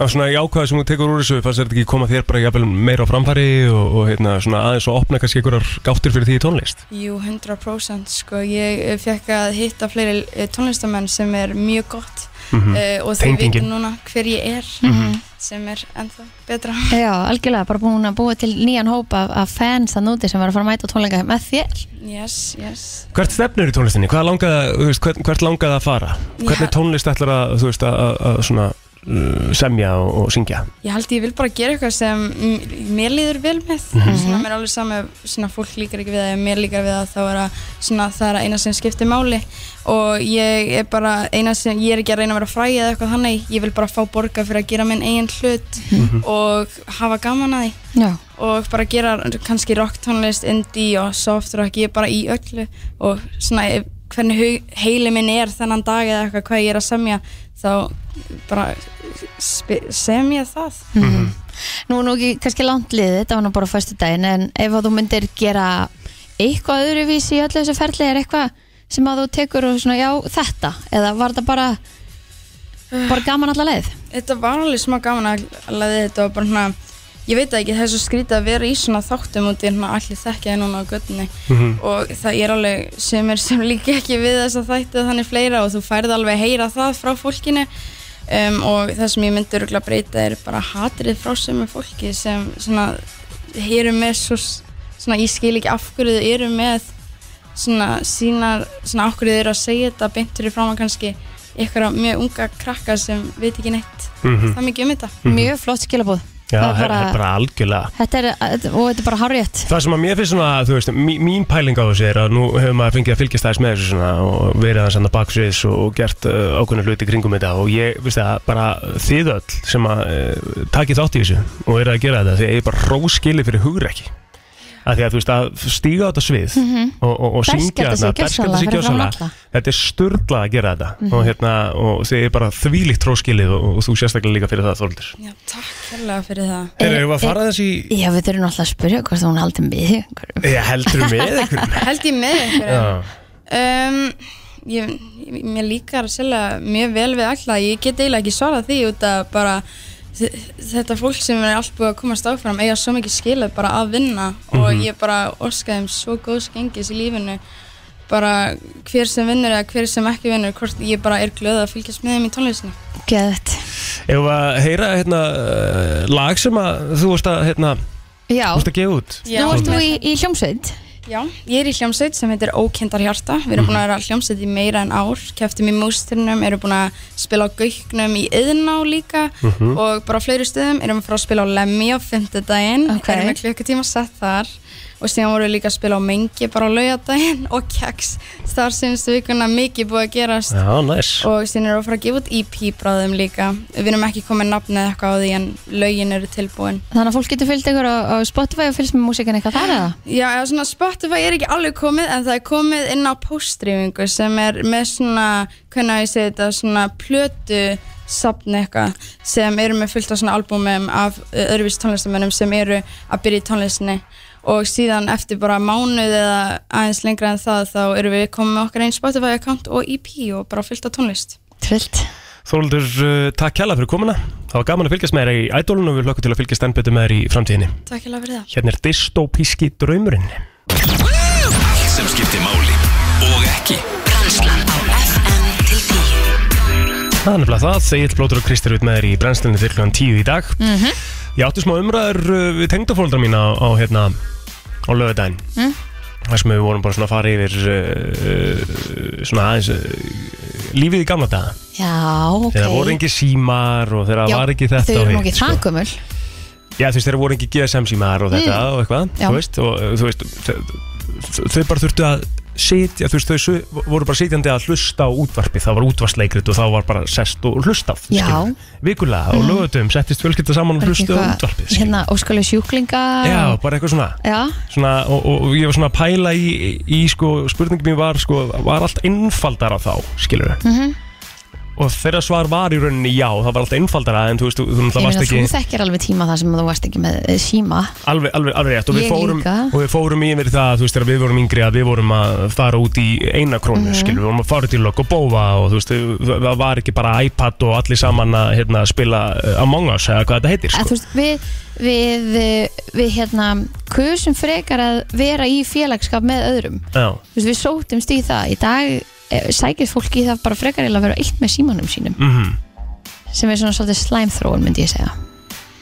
þetta er það það sko. Já, og, hérna, og líka bara að maður fer í matabóð eða, eða einhvers konar afmæli eða eitthvað, þú veist, það er allir í símanum, af því að einhvern veginn þögnin er óþægileg, þú veist, þú svona starir einhvern veginn að því að kannski veist ekkert hvað þú átt að tala um, mm Mhm. toppikin er bara allt öðruvísi í dag. Og það kannski- fylgjast rosalega mikið með hvað aðrir er að gera í staðin fyrir bara að gera eitthvað sjálfur sko. Já, já, já. eða sjálf og hérna, En upp á móti, náttúrulega, getur maður einmitt fylgst með fólki sem býr kannski langt í burtu og það svona. eru jákvæða liðnar á Já, þessu já, þú líka, ert betur já. tengdur, skilur, þú heyrir meiri í fjölskyldunni en kannski heldur en hún gerðir back in the days Mhm. um, og, og þú veist, þú sérð meira af öllu þú Mhm. veist, þannig að það er spurning hvernig maður skilgrinir einfaldleika skilur, Já. en, en svona það kom alveg moment sem maður er alveg svona uh, sjálfur hugsandi bara eitthvað, þú veist, ég öll væri næs að En oft á tíðum bara finnst mér þetta bara mjög pyrrandi tæki Já. að hafa. Já, þú veist, það er sem ég er að segja Það Mhm. kom alveg upp svona moment þar sem þú ert bara eitthvað Jöfnveld væri ég til í að prófa bara, þú veist Og maður getur nú svo sem gert það, sko Mhm. En maður fæ bara kvíðakastum leðum, maður finnur ekki síman í vasanum, sko Já, það er bara þegar maður Sem veitir um bara- að tínunum af því að það er allt annað. Já, já, Ég held sér miklu frekar það heldur en að þú hafir ekki eitthvað til að gera á klósutinu, sko. já En- Dýrtæki, þokkabót Já, og svona, já, já Það, ég- það er miklu frekar það, en ég meina, þú veist, nú elst ég meira og minna upp bara allar helgar upp í sömbústað. Mhm. Og þú veist, bara hafið samt alltaf eitthvað að gera, það þú komst aldrei heim og varst bara eitthvað, ó, þetta var drullulegilegt. Þú veist, Nei, og- þetta var, og- og- það var bara alltaf gaman, svo þú kom hafið ég- eitthvað að gera. Svo kom ég líka með punktinn með, sko, að, að uh, ástæða fyrir því kannski að, að ég, ok, það er líka, sko, ég- e- ekki miskilum mig, þú veist, ég veit alveg að ég geti verið duglegri við að, við að, hérna, vera í svona þessum handyman feelingum heima, skilur Mhm. en hérna uh, back in the days á einhvern veginn var það bara ekki eftir gama, það var að gera eitthvað skilur, Já. þú varst að eyða tímanuðinum í eitthvað Mhm. og þá var það bara líka heru, ég ætla að hérna, prófa að nota eins hendurna meira og ég ætla að hengja Aha. þetta upp og skiptum peru og þetta bara eitthvað, þú varst að eyða tíma skilur. Já, já. það er svo auðvelt í dag bara heru, ég, er- ég er eftir á í þáttum hérna ég þarf að silla, Já. Mm. auðvitað þegar ég að ná þættinum á Netflix maður, skilur, og maður þarf að gera þetta og þú eyðir tímaðin bara allt öðruvísi í staðinn fyrir kannski að nýta hann í eitthvað svona productive dæmi sem var miklu auðveldar að gera back in the days Já. og hérna, og ég er bara með smá lista hérna sem að heitir bara Things we don't do anymore because of technological advancements Einmitt. Ég man, man, man eftir því að, að þú horfður á AFA um morgunin Mhm. svo var bara ekkert kveikt á sjónvarpunum bara fyrir einhvern tíma bara Mhm. um kvöldið þú veist til að horfa á fréttir eða eitthvað Mhm. í dag er bara kveikt á sjónvarpunum allan Allan sólringin, daginn. allan dag bara, já, já, á mjög mörgum stöðum sko. bara heim ég mér er kveikt á sjónvarpinu allan daginn sko. Já. þú veist þegar ég fyrir út þá er kveikt á sjónvarpinu fyrir nölu sko, Já. og hlustar hún á tónlist sko. Einmitt. er nú Ha. hlust á okkur núna? já, hún er hlustar hún Já. hún hlustar alltaf á á okkur á mótana svo er hún, hún er kannski hérna meira hérna, hún, er, hún er meira léttbylgjukona á daginn Eh, Já, ok, ok, ok, okay. já. Já. eða svona róleg, róleg. ég seti stundum á rondó líka Já.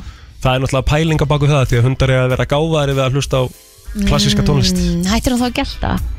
hún er ekki, ekki, bú, hún er ekki byrjuð á því Hún að hætta er ekki sko. orðin um það gáð Nei, hún er í rauninni að verða verri Á, Hún er æ, að gelta meira og meira með hverjum deginum Endur hún að fá minni aðtikli Ah. Já. Elsku greið Já, já. Það er nú þetta er alveg kannski cry for help bara Já, getur vel verið Já. Herri, já, ég er hérna með nokkra hluti hérna sem að sem að við gerðum hérna back in the days sem að við gerum ekki lengur í dag af því við erum komið með síman í hendunar og það var, það er hérna, ég man nú ekki eftir að hafa gert kannski endilega þetta en það var að ringi bíóin og fá nákvæman tíma á, á hvenar síningatímar eru hmm, Ok, þetta kannast maður nú ekki við Er það nokkuð? Nei, maður fór alltaf bara, þetta voru eftirstu blasiðnar í, í morgunblæðinu Mm Fór bara alltaf þangað og skoðaði hvernig þetta var í bíó Einmitt. Þegar fjölskyldan uh, var að fara til útlanda Á, Þú fórum bara textavarpið Já, eða þú veist, þá er ég að tala um sko að þau eru ætlaði að kaupa sér kannski einhverja ferð til útlanda mm þá þurftu þú að fara Á ferðaskrifstofu. ferðaskrifstofu Já. og tala við fulltrúa þar Já, það er geðvögt Já, Mér langaði alltaf að vera svona, hérna, svona farastjóri í útlöndum já Gott jobb sko Já, mér fannst það, mér fannst þetta mjög heitlandi það, það var bara þau eru alltaf í útlöndum Já. Svo langaði mér líka alltaf, ég Mhm. öfunda alltaf þegar að sólalandabæklingarnir komu inn um lúuna hana á vorinu eða eitthvað Af því að þá hefði fólki sem var í myndunum fengið að fara út til að taka myndina Nú er þetta bara grínskriðin einhverju síðan og skilur og ekkert var í Þetta þetta er bara einhver svona, Já. þú veist, En- bara einhver Þá, þú veist, þau þurft að fara til útlanda Ég bara, ó, hvað þau eru heppin mm -hmm, draumadjobb. Já, Herru, að taka upp uppáhalds þættina þína á, á Mhm. Vaff.S rekorderinn. jöp, maður mað gerir það mjög oft Mamma, ég er á æfingu hérna í kvöld, mig lang- langar ekki Já. að missa þess að þetta, getur þú tekið hann upp fyrir mig? Ég- Svo þurftir þú sko að því að stundum gafst ég tekið nokkra skilur, Já. og þá þurftir þú náttúrulega að spóla áfram á það sem þú máttir ekki þú veist taka yfir að þú gafst tekið yfir Já, já, já. skilur og einmitt. svo kannski stundum ef það eh, passaði ekki eða fór að klikka eitthvað þá allt í einu bara hættir það í miðjum þætti og eitthvað annað byrjar það var ræðilega Veldi að ég man með þess að ennþá eftir því að maður þurfti, maður leiði spólu, skilur, og maður var brjálaður þegar einhver var ekki búin að spóla hann tilbaka. já, Ha, bara Við- þurfti að ég eftir að byrja bíókvöldu mitt á því að spóla helviti spólan já, tilbaka. eftir einhvern annan Já. Ég, hérna, við vorum einmitt að reyna að finna okkur eitthvað að horfa á í gær og við vorum bara að skrolla og skrolla og skrolla og fundum ekki neitt til að horfa á Nei. og, og þá einmitt saði Vili bara hvernig var þetta eiginlega þegar maður var að þú veist, velja þessi bíómynd og ég sagði við henni það var eiginlega alveg jafn erfitt Já. þú veist maður fór á tröllavídjó og maður stóð þarna og bara horði og horði og horði og horði og þú veist, jú ok, maður svona vissi svona sem ég nýju myndið þar, hvað Mhm. maður langaði að ná í að því maður var að fara til að ná í hana En þessi gamla. en svo þessi gamla maður minn og svo ofta tímun hafði maður engan tíma til að horfa á þessu gömlu sko Nei, nei, nei, en nei, maður tók nei, hana með það því það mátti skilur Já, það er ekkert mál að horfa á tvær myndir í dag Einmitt. En það er samt munun, sko, munun þarna að mínum að þið er að, sko, að fara ykkurt Já. og velja mynd Já, er miklu betra heldur en að vera heima hjá þér og velja mynd já, já, Þú veist, að fara ykkurt og velja mynd er bara svona, það er partur af kvöldinu já, skilur. já, já. Ég man alveg maður var lengi að því en mér finnst ég samt og ég hef nú talað um það hérna í þessu þætti að þegar að Uh, þú veist, frambóðið er meira því miklu erfiðar er að velja mynd sko. Mhm. Þú Nei, veist, þess að þú lendir aldrei í brasi með að velja mynd til að horfa í flugvila því þú ert bara með eitthvað x mikið af myndum og þú finnur bara, ok, þessu ætla ég að horfa á Já, Af af því þar þessu eru sem bara er í bóði 20 í boði. Já, einmitt skilur Og svo fór maður og fekk náttúrulega fór maður og fekk sér nammi og það var í svona körfum, þú veist, og gr- fyrst grænan pókan hana dáðist alltaf af þessu fólki hvað var klárt í heila reikning af því að, þú veist, ég ætla að fá þrjá svona þú veist, eitt kostaði 5 krónur eða 2 krónur eða Þú veist eitthvað að fáir nammi Já, fyrir svo 50 voru kallar það lið 100 að pottit alltaf bara eitthvað að slumpa sko, 100%. að því ég ætla bara, vá, djöðlir þau klárar Já, kallar Fóstu aðal í tröllavíti, ég var meir í Nesval sko ég var stittra fyrir mig að fyrir tröll Já, þú Og frá, náttúrulega varst- ég var á slátastundinni Já, já, já, já, það er stittra fyrir því að fyrir nesval já, Mhm. passar Herru, svo erum við með hérna Uh, að, að sett prenta út myndir við gerum það náttúrulega kannski ekki mikið lengur í dag en ég gerði það svo sem á jólapakkan sko En Mér finnst það vera leiðilegt og mér finnst það algjörsind mm Mhm. að því að þú réttir einhverjum síma en til að fara að skoða myndir sko. nei, Þú veist, að geta dreigið fram eitthvað albúm frá 98 þar sem við vorum á Mallorca er bara iconic. það er geðveikt Mér finnst það geðvegt og mér maður langar bara, svolítið að það sé svolítið í familíinu hjá mér bara núna maður verður að fara að prenta út myndir sko. Bara prenta út Eða, myndir. Sko, annarkort langar mig að fara að prenta út árið, þetta er árið 2001, 2002, þú veist, allt þetta skilur Mhm. eða einmitt svona ferðin til þetta eða eitthvað svona, ég, ég verð að fara að gera það annars Veistu- bara, annars bara týnist mín ævi við tókum hérna fyrstu fjóra mánuðinans Patriks og settum í bók Já, bara svona prentum út bók uh, og það er alveg skemmtilegt þú veist, Mhm. það er alveg cool en það er tölvöld dýrara skilur við, að, að hérna, setja upp einhverja bók og fá hún að senda og hún er, þ- hún er þykk og stór sko já, færði ekki eins margar myndir í hana heldur heldur en bara að vera með gamla góða gamla góða uh, filmu uh, hérna, möppuna og og pældi því, maður sendi myndina sína sitt heilasta í einhverja í- í framköllun þar sem Já. voru sjö starfsmenn að skoða Já, myndina þínar já, já. og sitja limm með það tilvalinn til stækkunar geðveikt. pældi hvað er búið að skoða myndina þínar vel þegar þú komst með 24 myndir og þetta, hér- þessi hérna, hún er tilvalinn til stækkunar það er Úff. einhver búin að ákveða það mm að hún væri best of the bunch manst þú eftir að hafa ringt í eitthvað númer til að fá veðrið? uh, nei, ég gerði það aldrei en ég, en ég ringdi hins vegar að fá stöðun á reikningnum Já maður gæti ringt í svona velminni sem sagði þér hvað staðan á reikninginu þínu væri Var það ekki líka innegniðin? Gæst ekki líka ringt og fengið hvað er innegniðin? Jú Svo Mhm. gæstu ringt og fengið að vita hvað klukkal er? Já, ég, það ég held að það sé ennþá hægt Aha, ég var að prófa það Já, Hvað var það aftur? 115 eða? Guð, það mann ég ekki Býtu, getur maður hlýtur að geta að googla það Hvernig, hvernig fórum, við, fórum við af á þess að geta að googla hluti? Á ég að prófa 115? Já, til dæmis, pældi því Mhm. Ég er að prófa 115 uh, en, Ekki er hægt að tengja síntalið. Nei, takk fyrir það Nei, Ekki var það 115 nei mm. Það er eitthvað rómatist við að taka þetta síntal Klukkan Já. er 8 59 Einmitt 54 sekundur Og akkur finn ég þetta ekki Og Í svo þurfti stað fólk náttúrulega 115, geti það verið Það Af því- verður- Var það 105? Ég var að prófa 25. 100 ég var að prófa 115 En það virkaði ekki. 155, 155 getið að verið það? Af hverju ætti þetta samt ennþá að vera í gangi? Næst ekki í þetta númer Nei, nei Æja, þá bara, byrjuð það er einhver að ringja, kannski einhver að segja okkur uh, hvað við gerum Efum, góðan daginn Já, hvern daginn. Það var verið að taka niður klukkusímanúmerið. Það var verið að gera það Það var inn á ykkar fréttasíðu bara í vikunni. sko. Ah, ok Við reyna að greina að lesum ekki nógu mikið fréttir Það er svo það er Það er svo það er Já, Herðu, takk það eru. fyrir Takk fyrir þetta. þetta, takk ég En en hvað það er nú leiðilegt Já, það En er eitthvað klukkan er rómantík. 9.00 Bara Já. þannig við það Já, Klukkan er slétt 9.00 Já, þetta var einhvern veginn, hún náður sér Rens. ekki mm, Það þarf að vera aðeins hægara í það þér Klukkan er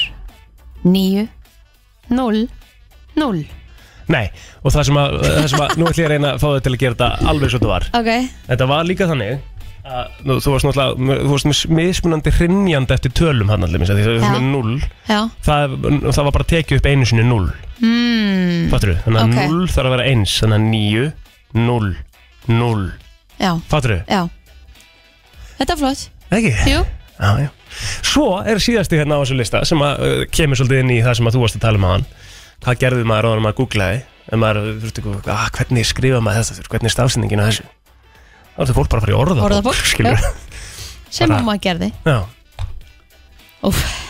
Simple times já var eða næs. hvað Eða flóknara Nei, það var næst Auðvitað er einfaldara núna að geta bara Ég bara googla yfir svona Google, 15 hlut á dag sko Við varum að fara í að googla okkar svo einna á eftir það Ó já, gera það Aha. Jú, jú, maður fann svo sem annan lista hérna Kristín sko Það er svoleiðis Já, við getum, Spennandi. sko við hérna náum ekki að fara í Google Þú ert ekki að ná að finna þitt Google Nei, ég skil ekki okkur það kemur ekki upp Nei, þú sko, þú notar Safari í símaneginum Já, hvað ætti ég nú þarna? Chrome, Okkur að ég ná mér í eitthvað app þegar þetta er bara þannig til staðar nú þegar af því að Chrome er svo miklu betra maður Nei, Jú, nei, nei, þetta ég er er fint rosalegur Chrome maður sko Já, En ég er en hérna þú með nota Chrome alveg í tölvunni Já, einmitt, og það, og það ertu líka synguð sko Fattur mig Mhm. Þannig að það sem ég noti í tölvunni Það syngast við það sem ég noti í símanum Já, en akkur get ég heldur ekki séð þetta í Það kemur bara trending searches og það eru Óskar tilnefningar 2023 Ef ég íti á mm, og svo kemur endur eitthvað um fílin lökk hvað er það?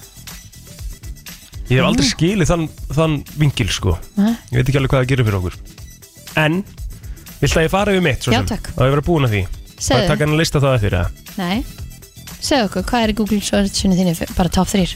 To dream nosebleed meaning Já, við vorum í því í morgun Og maður þess að fara yfir það mm -hmm. Mynd breytir, kemur svo eftir því Akkur fer ekki bara bynd inn á einhverjar heimasögur hjá einhverjum böngum Af því að það, Þeir eru mér finnst bara það allir með þetta á þægilegast fórsíðunni hjá sér sko. Mér finnst það þægilegast á myndbreytir ah, ok, Það bara fer ég beint inn á það já Hugh Grant, Random, hvað akkur varst að googla hann? uh, af því að ég var að reyna að muna hvað op uh, Operation Fortune myndin heitir Mm.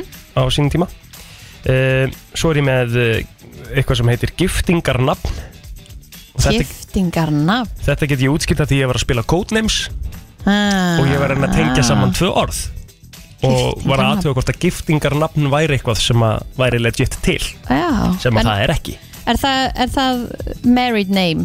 Það sem hún færi þegar þú giftist einhverjum? er Já, um það, ég var, ég var svona að pæla hvort að það væri íslenskt orðið við það sko. mm, sem að var ekki, ég gæti ekki notað það sko. Nei, um, og svo er ég með 405 degrees Fahrenheit 2 Celsius ok, og því var að baka bröð já Og hvað er það? 230 eða eitthvað Já, Þetta er hátt já baka brauðið og háum heita ha? Þetta var googlið mitt, verður ykkur að því Já, það var flott Herðu, Mitt er ábyggilega mun meira krassaldi heldur en þitt sko. Já, þetta var nú ekki mjög krassandi En uh, ég sá hérna lista sem að segir hérna Hvað móðgar fólk en móðgar þig ekki Og það voru einhver sem voru að svara þessari könnun Mhm. Mm. um, Og það sem að er hérna efst á lista um, Að móðgar fullt af fólki þegar einhver er með uh, Hvað ég segja, bara húfu innandira Já Já, ég myndi ekki segja að það myndi móðga mig Þetta er einhver kennari greinilega Bögga sem að- mig í einhverjum aðstæðum Já, þetta er einhver kennari hérna einhvers staðar sem er greinlega að vinna í ykkur skóla og þar er skólastjórun sem setur bara mjög uh, strangar reglur um að það má ekki vera með hatt Já, innan dyrra. áttu bara að fara til reglum Þú veist, en það er rosalega gamli skólinn eða ekki, þú veist, eins og derúa, skilur við. mm -hmm. Þú veist, að fara í skólan og mátt ekki vera með derúu. hvað er mitt Já, Af ég- hverju- má af það ekki í hverju- dag? Mér finnst þetta En er eiginlega- þetta ekki bara gammal listi? mér finnst eiginlega best sko Nei, þetta er að þau gangi í dag sko Já, ok. Og mér finnst eiginlega best línan eins og hún svaraði þessu I literally can't care, it's fabric on their head Uh, uh, Já, Sem er svo rétt, af hverju erum við eitthvað að flækja hlutina? já, já Af hverju má ekki bara einhver vera með eitthvað á hausnum og það skiptir engu máli Mhm. Skilur En sko ég myndi alveg skilja það ef þú væri til dæmis með dyru og setja síðan hettuna yfir og það sést ekki andlitaður og, og kennarinn er kannski að reyna í einhver samskipti við þig eða bara einhver sem að En, en af hverju kemur það málinu hvort þetta með hettu og húu Þú veist, Þú veist að þetta verður bara svo dögt skilur það, það sést ekki í þig allt öðru þú ert með hann hérna aftur og bak ég sé alveg í andlitaður og ég get alveg átt samskipti við þig En þegar ég með hana fram, finnst það óþægilegt þegar ég er með hana fram hérna í svo þetta Nei, nei, ég var ekkert að segja það er, það er ekkert aðeins ég Það bara nærðu ekki segja- samskipti við mig ég, Nei, ég bara segja, ég bara setja upp fyrir aðstæður sem þetta gæti verið að böggungu Gamla skóla Kristína kom aftur innan sko. Nei, Egil, Svakalegt sko akkur getur þú ekki bara að fara eftir reglum sem við setja Já, við erum ekki með hattinni Já, Já Herru, það er einhvern veginn sem segir Asking a woman's age að það sem sagt uh, móðgi marga en móðgar ekki þessa tilteknum konu móðgar að þig þegar Nei. kallmaður spyrir hvað ert gömul Nei að Eða því bara að einhver eins og ég er manneskja. svo oft sagt bara ég er ekki með komplekra verður mér gæti ekki verið mér sama Nei Það er eins og hérna, hún segir hérna I'd actually feel more uncomfortable hiding it já, bara, nei, alls Nei, ekki Aldrei verið með eitthvað yfir því um, Einhver móðgast yfir því other people speaking language I don't know nei, af hverju ættir þú að móðgast yfir því Áralegt það væri nú bara skrítið Svona, eh, svona, þetta er samt staðan sem er vantilega þannig að þú ert einhver staðar og uh, ef það þeir er, eru að tala um þig á öðru tungumáli það er bara disrespect það er skilurðu. móðgun sko. já, en Það er ef að skrítið að- þau eru bara að eiga samskipt á sínum tungumáli Já, nei, þú veist, en jú, auðvitað ef að þið eru þrjú saman í, í sitji saman og þau byrja alltaf að tala eitthvað annan tungumáli það er alveg skrítið já Þetta er nú ekki mikill listi hérna sko Það er nú einhver að hérna, segja hérna uh, sem að einhver ætleti fjóra fjögur börn sem sagt já og fólk hefur margar spurningar varandi uh, ætleðinguna, þú veist, eins og eru þau skild, uh, hva- hvar eru þeirra raunverulegu fóraldrar Mhm. uh, og einhver sem að uh, spurði í raunveru, er þetta uh, var, var þetta þú eða kona en sem að gáta ekki eignar spatt Mhm. skilur, já, þetta eru svona spurningar sem að ma- maður myndi halda að maður, ég myndi aldrei spurja til dæmis, nei en þessi kona segir að henni sé alveg sama að hún fá þessar spurningar Ég held að þetta sé allt af eh, svona aðstæður í, í, eh, þú hittir einhvern í bónus og kannski ferð ekkert alveg í þetta en Nei. ef að þú ert í einhverju svona góðum vinahóp góðum vinahóp, já, á, réttu staður eh, þú veist, þetta á, á allt sinn stað og stund, skilur Hún- mig, þetta spjall Hún segir hérna I don't mind these questions at all and enjoy helping people understand adoption better Já, algjörlega Ef það er hægt að horfa á þetta á þann hátt sko En svo þarf þetta að vera bara nákvæmlega eins og fólk vil hafa það. ef að finnst þú þelt að tala um þetta þá En það þarf ekki bara að segja það bara Æ, þú veist, mér, mér, ég vil eiginlega ekkert tala um Já. þetta Skilur, og er það þá ekki bara alltaf leið? Jú, algjörlega, en ég held að, að spurningarna koma alltaf frá góðum stað Einmitt af því að það er bara að reyna að skilja Mhm. A- ekki neitt annað Að- Jú, jú, kannski nýsin eitthvað býtið þú eða maðurinn, það er kannski skrifin spurning en Það er bárunni Ah. Já. spurning sko. Þú veist, Ég myndi vera bara að byrja Hvernig skiptir það máli? já, akkurat, hverju, hverju skiptir það? Ja, Ég myndi Engu. móðgast sko Já, þú veist, en, en maður skilur alveg, þú veist, er þetta sískinni Ma, maður Já, myndi alveg já. skilja það af því það er bara það er bara hlý Fjölskyldan að spurning vita, já, já, einmitt. eða- já, myndi ég halda bara þannig að þú, þannig að þú kannski líka bara skilir þeirra hvaðan þau eru að koma, Já, ég veit já. ekki Já, já. en eins og sé, það er ábyggjala alltaf staðar og stund Svo þarf maður ekki að móðgast yfir neinu maður bara horfir á það þannig að bara það er allir bara eitthvað að reyna að Skilja. forutnast og skilja sko Já, eða munur að skilja og forvindast, eða ekki? Mhm. Af því Já, skilja kannski af því betur orð ég- Það skilur, ég, ég skil það ekkit frekar að þú hafi verið ætlit hvort það er þú eða maður þinn sem var ófrjór Hörkupunktur Rétt Já, það er forvindi og endur þetta þar Brenslan á FM 957 Það er komið að þeim virta Vissir þú að abar kúka bara einu sinni í viku? En vissið þú að selir gera í rauninni ekki neitt? Tilgangslösi móli dagsins í brennslunni Spennandi Mhm. Erum við með þema í dag? eða Það erum er við- dýra þema þetta Ú, eitthvað ákveð dýra, bara svona dýra almennt? Fullt af dýrum Ok, Fullt af spennandi dýrum sko Mhm. Og sko þessi mólar eiga það sameiglegt að vera svona smá disturbing mólar Já, Í rauninni svona mólar sem þú vildir ekkert vita um dýr, dýr, já, ok Áhugavert Nennur að fara fyrir mig á Google Já, Mhm. og skrifa 22 feet 2 centimeters ok ok, byrju, byrju, byrju, byrju Ok, Hvað er feed? Akkur er það að nota líka þú veist? Ætli, já, það er sem að mér finnst svolítið skemmtilegt trend á TikTok núna þessi dagana Ja. er það sem að allir eru bara þú veist, þetta eru Amerikar sem, Amerikanar sem eru að flytja eitthvað annað Já, og þau eru bara, af hverju eru við með eitthvað allt öðruvísi metric system en allur Allir aðrir. annar heimur já, Einmitt. einmitt herðu, 22 fet 2 meters eða centimeters eða eitthvað Það er sem make a sense eh, 6 1000 6, hvað meinar þau? Nei, nei, nei, nei 6 6 metrar 6 metrar 6,7 metrar Stærsti ormur sem hefur fundist er 6,7 metrar Æ, er það Það er ég bara að tala um brúna ormin, bara svona earthworm, þú veist, þetta er ekki Oj. slanga eða neitt, þetta er bara þessi ormur sem að fæst hérna, um, þú sér sundum í rigningunni og allir búin að stíga á hann. Hvar fannst hann? 6,7 metrar. Það er Oj, bara- rosalegt. Já, Þú veist, það er, það er, það er ég Já. og þú og Rikki til samans. samans, já. Nei, Og meira, já, já, en hvað hérna, hvar fannst þetta? það er ekki gefið upp, sko. Nei. I call Kakalakkar, bullshit. eða það? Já.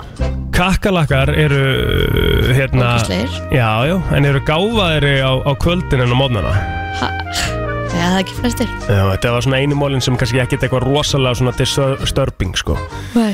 En þá förum við í ávaxtaflugurnar sem við þekkjum öll sem Ah. að byrja að koma svona í kringum Helvítis ávaxtaflögunar. Já, koma svona í kringum ávastinu okkar þegar þeir eru byrjaðar aðeins að verða verri Já, og, Og- þú veist, hvaðan kemur þetta? Eins og ég hugsa ofta að þetta kemur sko, ef maður er með bananahýði í ruslunni í kannski tvo dag, Einmitt, þú veist, bara lifnaðar við þaðan, þaðan. einmitt, Þú veist, var þetta bara inn í bananunum mínum? einmitt að því að bara loka rusl Já, og Ég er það, ógeðslega sammálaðir þetta er ógíslegt. Já Akkur einhver Þólið það ekki. Hvaðan koma ávaxtaflugur? Uh, þetta er náttúrulega eitthvað verpt, verptur viðbjóður inn í áherstina þina en ég ætla að segja ykkur eitt takk, ef þau lendir í þessu og þær koma alltaf aftur og aftur og þau skilja ekki hvaðan það er verpa í niðurfallið Það er málið Takk stíplu eðir í niðurfallið mm. Ég setti eitthvað svona matasóta og etikun daginn, heldur það hafi dögað? ég veit það ekki sko Nei, nei, stíflu- stíplu eðirinn er alveg killer Ah, Já Ég er að fara í það. Góður punktur. Hlusta, hlusta á það áfram að því við ætlum að halda áfram með hérna, þetta, er- þetta er Æ. aldrei þetta Ó, já. er sko disturbing fact um uh, ávaxtaflugur ok, ég hlakka til Af því Það, að- nei, það er engin spöntu fyrir þessu. Já, að því að sko staðan er þannig að ávaxtaflugur það sem þú sérð er í rauninni ekki bara eitthvað að ráðast á bannana hérna þetta er alltaf massive orgies Ha. þær eru bara í orgju allan daginn út og inn Þetta er svo disturbing. eins og Oj. þetta er þetta they're hungry for more than just some overripe bananas they're swinging Shit, allum öllum bara. já, já, Puttu sleik fyrir ágang. já, já Ói, byrja bara að vera hérna, eh, svona, byrja rólega og svo bara eh, heldur þetta áfram og enda bara í risastóri orgíu sko. afstopp nú. Vissur það og þetta er svona fyrir þá sem ég að págauk og eitthvað heimi á sér að þeir eru að strjúka hérna fugglinniðinum að það kveikir í þeim Ha, Já. Petting birds, birds turns them on ok. Áhugavert. Já, það stendur hérna sem er ágættist lína Ever noticed how the pretty birdies like it when you stroke their feathers? Yeah, well it turns out they really, really like it Like a lot Æjæjæjæj, herru, þú ert, við höfum öll eh, að einhverju einhver leiti borðað eða innbyrt uh, svona anal secretations af svona bíver sem er svona anal gland, svona vökvi sem kemur úr raskatuna á þeim það höfum við öll innbyrt sko. Egil, Hva? ég sagði þetta væri disturbing mólar ói, bara stað. Já Þetta er, þetta er eitthvað svona hérna, eins og stendur hérna Þetta er hérna kallað uh, Casterium eitthvað Mm. og uh, þetta er eitthvað svona gulur vögvi sem að kemur úr hérna rassinum á þeim eða svona sem að þeir nota í rauninni til að til að ma- svona marka territorið sitt skilur Ói, mm full of anal liquids and urine all mixed together og þetta er búið að nota í mörg Oj. ár já, þetta er búið að nota í mörg ár til að hérna, fá bragðið í vanulísiðin eh, með svona möski eftirteist í sígarettum og gefur svona ávaxtakeim í innvötnum ói, Og ég bara sta -huh. Svo er þetta líka talið um að það sé notað í MSG eða Santhamgum Ok Þannig að þetta er notað í fullt af matvælaðina sko. Þannig að við höfum örgulega öll innbyrt einhvers konar smá vögva og raskati og bjór mm Það eru til froskar, fullt af froskum sem að gera sér heimili úr uh, fílaskít Já Þannig að þegar fílarnir eru búin að kúka þá náttúrulega skilja þær eftir risastóran uh, steamy pile of elephant poop Já uh, og þá eru það um, hérna, froskarnir sem að grafa sér leiðin í kúkin og, og gera þar heimili Já Það er til uh, eðla sem heitir The Greater Short-Horned Lizard Ok Hún er kannski ekki merkileg fyrir utan það að hún á það til að skjóta blóði úr augunum á sér Hvernig gerur hún það? Það er bara að mynda þessu hérna sko Þetta er ógeðslegt Þetta Új, er bara, þetta er bara barasta. eins og Superman með lasergeisla en hún er bara að skjóta blóð út úr augunum á sér Já og þetta getur verið Djöfull 4 þessi feet away viðbjóður. Já, þetta er alveg viðbjöður sko Herru, það er til fugglategundir sem að eh, eiga það til að þeirra þeim er of heitt þá hérna þá, þá, þá, þá sko, hvað segir þá skýta þau á sig og vel, velta sér upp úr því einhvern veginn eða eitthvað Hmm. Vissur að uh, uh, sko endur sem að leiðast Það er bara svona, Hvað ó. googlaður til að finna hann lista? D- eh, disturbing facts about animals Já, ok svo er hérna einn móli um, um, um endur sko að þegar þeir eru uh, þegar þeir leiðist þá verða þeir uh, cannibalism ca ca cannibal Ha? já þá byrja þeir bara að geta hvort annað sko. já, Það er mjög disturbing já Það er rétt hjá þér endur eru rosalega sko. Ha, býtu En það er reyndar rosa aggressiv það eru ógíslega aggressiv Það var reyndar bara pínu smeykur stundum hann að nýra tjöld mm maður þarf alveg að fara að valega Já Þegar að bíflugur stunda mög og þegar þau eru búin að því þá springa the sexual organs Ha, Já Þannig að þau bara stunda vendilega bara mög einu sinni bara Eða hver kall, á sinni lífstíð Já, hver kalla bífluga stundar vendilega þá bara einu sinni mög af því að það, það springur allt Oh my god Já Herður, sloths sem eru nú krútlega dýr Úf, letidýrin já Springa þau líka? Nei, þau deyja í rauninni í hvert einsta skipti sem þau þurfa að kúka Ha, mm og, og lífgast svo aftur við þegar þau eru búin að kúka?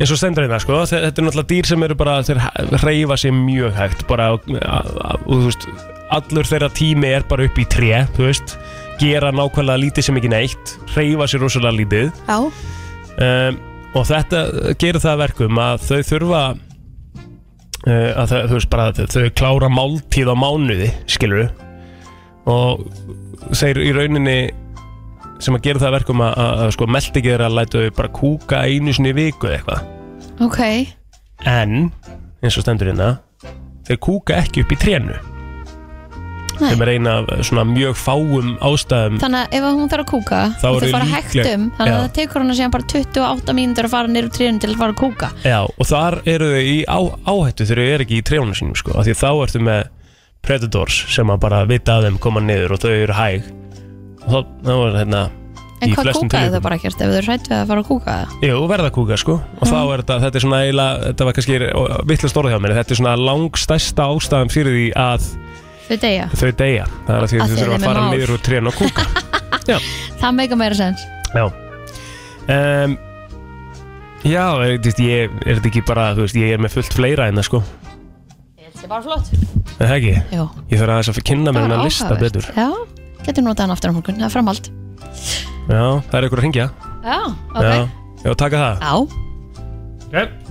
Ert þú með einhvern annan svona disturbing móla um dýr eða?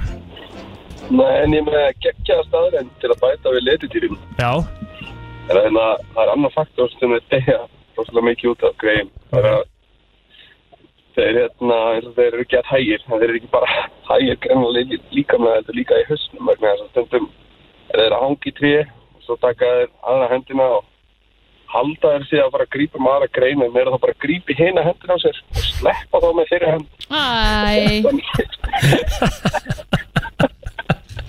Elsku krúttin Já. Ah.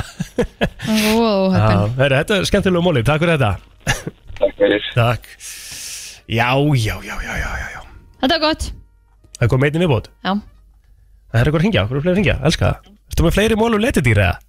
Uh, Nei, ekki með letidýr Ok En þið voru að tala um hana að þið eru með rassadjús í öllu já, já. eitthvað. Já. Það eru til pöttur sem eru svona rauðar og ef þú kremur þær, þá kemur svo rosalega raukt blóð úr þeim. Einmitt. Og það er notað í allt raukt hlaup í heiminum. Ah, Ég ræta bara leik Er það? Oi. Já, allt bara Haribo og allt þetta dót. Þeir fá þetta en hann alvöru rauða lit úr einhverjum pöttum einhver staðar sem einhver er að kremja og selja litarefni. Hvað er flókið að nota matalit eða? Einmitt, það er ekki nógu raukt eða eitthvað. Eh, kannski hann notaður úr pöttu blóðinu Já, það getur nefnilega verið oh. Æ, ég er hægt að bóla hlaup Já, herri, takk fyrir þetta Oi. Hæ Það eru fleiri En fyrir góðan daginn En fyrir góðan daginn Halló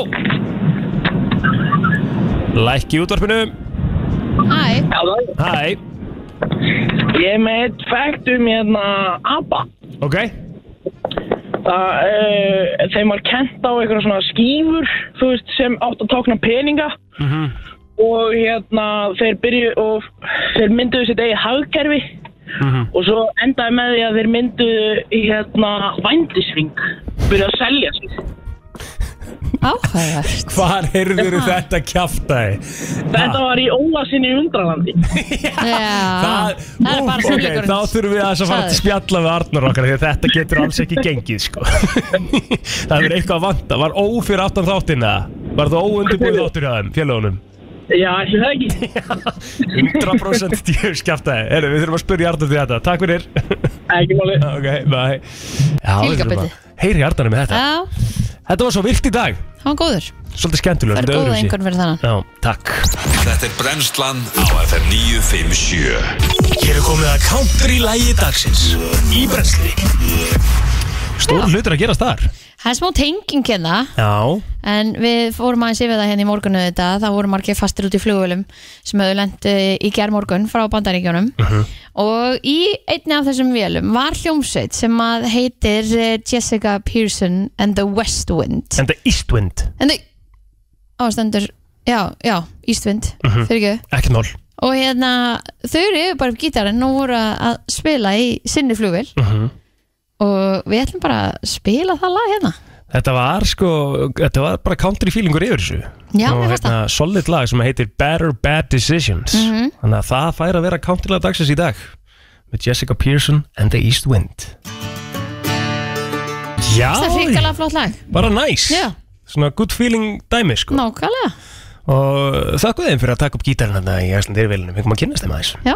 Herðu, við og hún er þurfum að fara að bara segja að fá þetta þessu bara mesta spilinir frá Íslandi Já, við þurfum að segja þetta bara gott frá okkur í dag Já, við verum með að sjálfsögja hér aftur á morgun á sama tíma mm -hmm, Og morgun erum við hellingsgesti Já, hún Birgitta Líf ætlar að kíkja til okkar Já. Birtan verður þetta á sínu stað Óli 8.30 Krum ætlar að koma hérna líka og... Já, Ég veit kannski ekki hvað það kemur helgin okkar Já, ef hann er búin að jafna sig einmitt Það er allir með eitthvað ég, Það er bara búið að ganga svo mikið að ruggli Ég er búin að fá þetta allt saman sko. Já, Ég er bara, uh, eins og ég hérna, áttu nú samtala við þig að Ég bara hef aldrei tekið og fengið þessi veikindi skilur. Mm. Ég er bara alltaf svona Kannski að þú sagðir aldrei núna og gerir ekki sinni í Nákvæmlega maður þetta En ég er bara að grípa allt bara frá lokás Ah. Já. Hókandi, núna bara allt hef ég fengið sko. Lóka ás, ég myndi segja svona bara frá, Frá því november september. svona Já, Já, eitthvað svo leis Einmitt. Það er bara búin að grípa allt mm, Þannig að eh, ég held að ég sé búið með pakka núna Ég ætla ekki að verða sko eins og ég, var alltaf, ég verð alltaf smá veikur svona á vorin Já. og verð smá svo slappur svona fyrir sumar þegar verð Já. fæk kvefið og nenni því ekki núna ég nenni ekki núna, nú er búið með það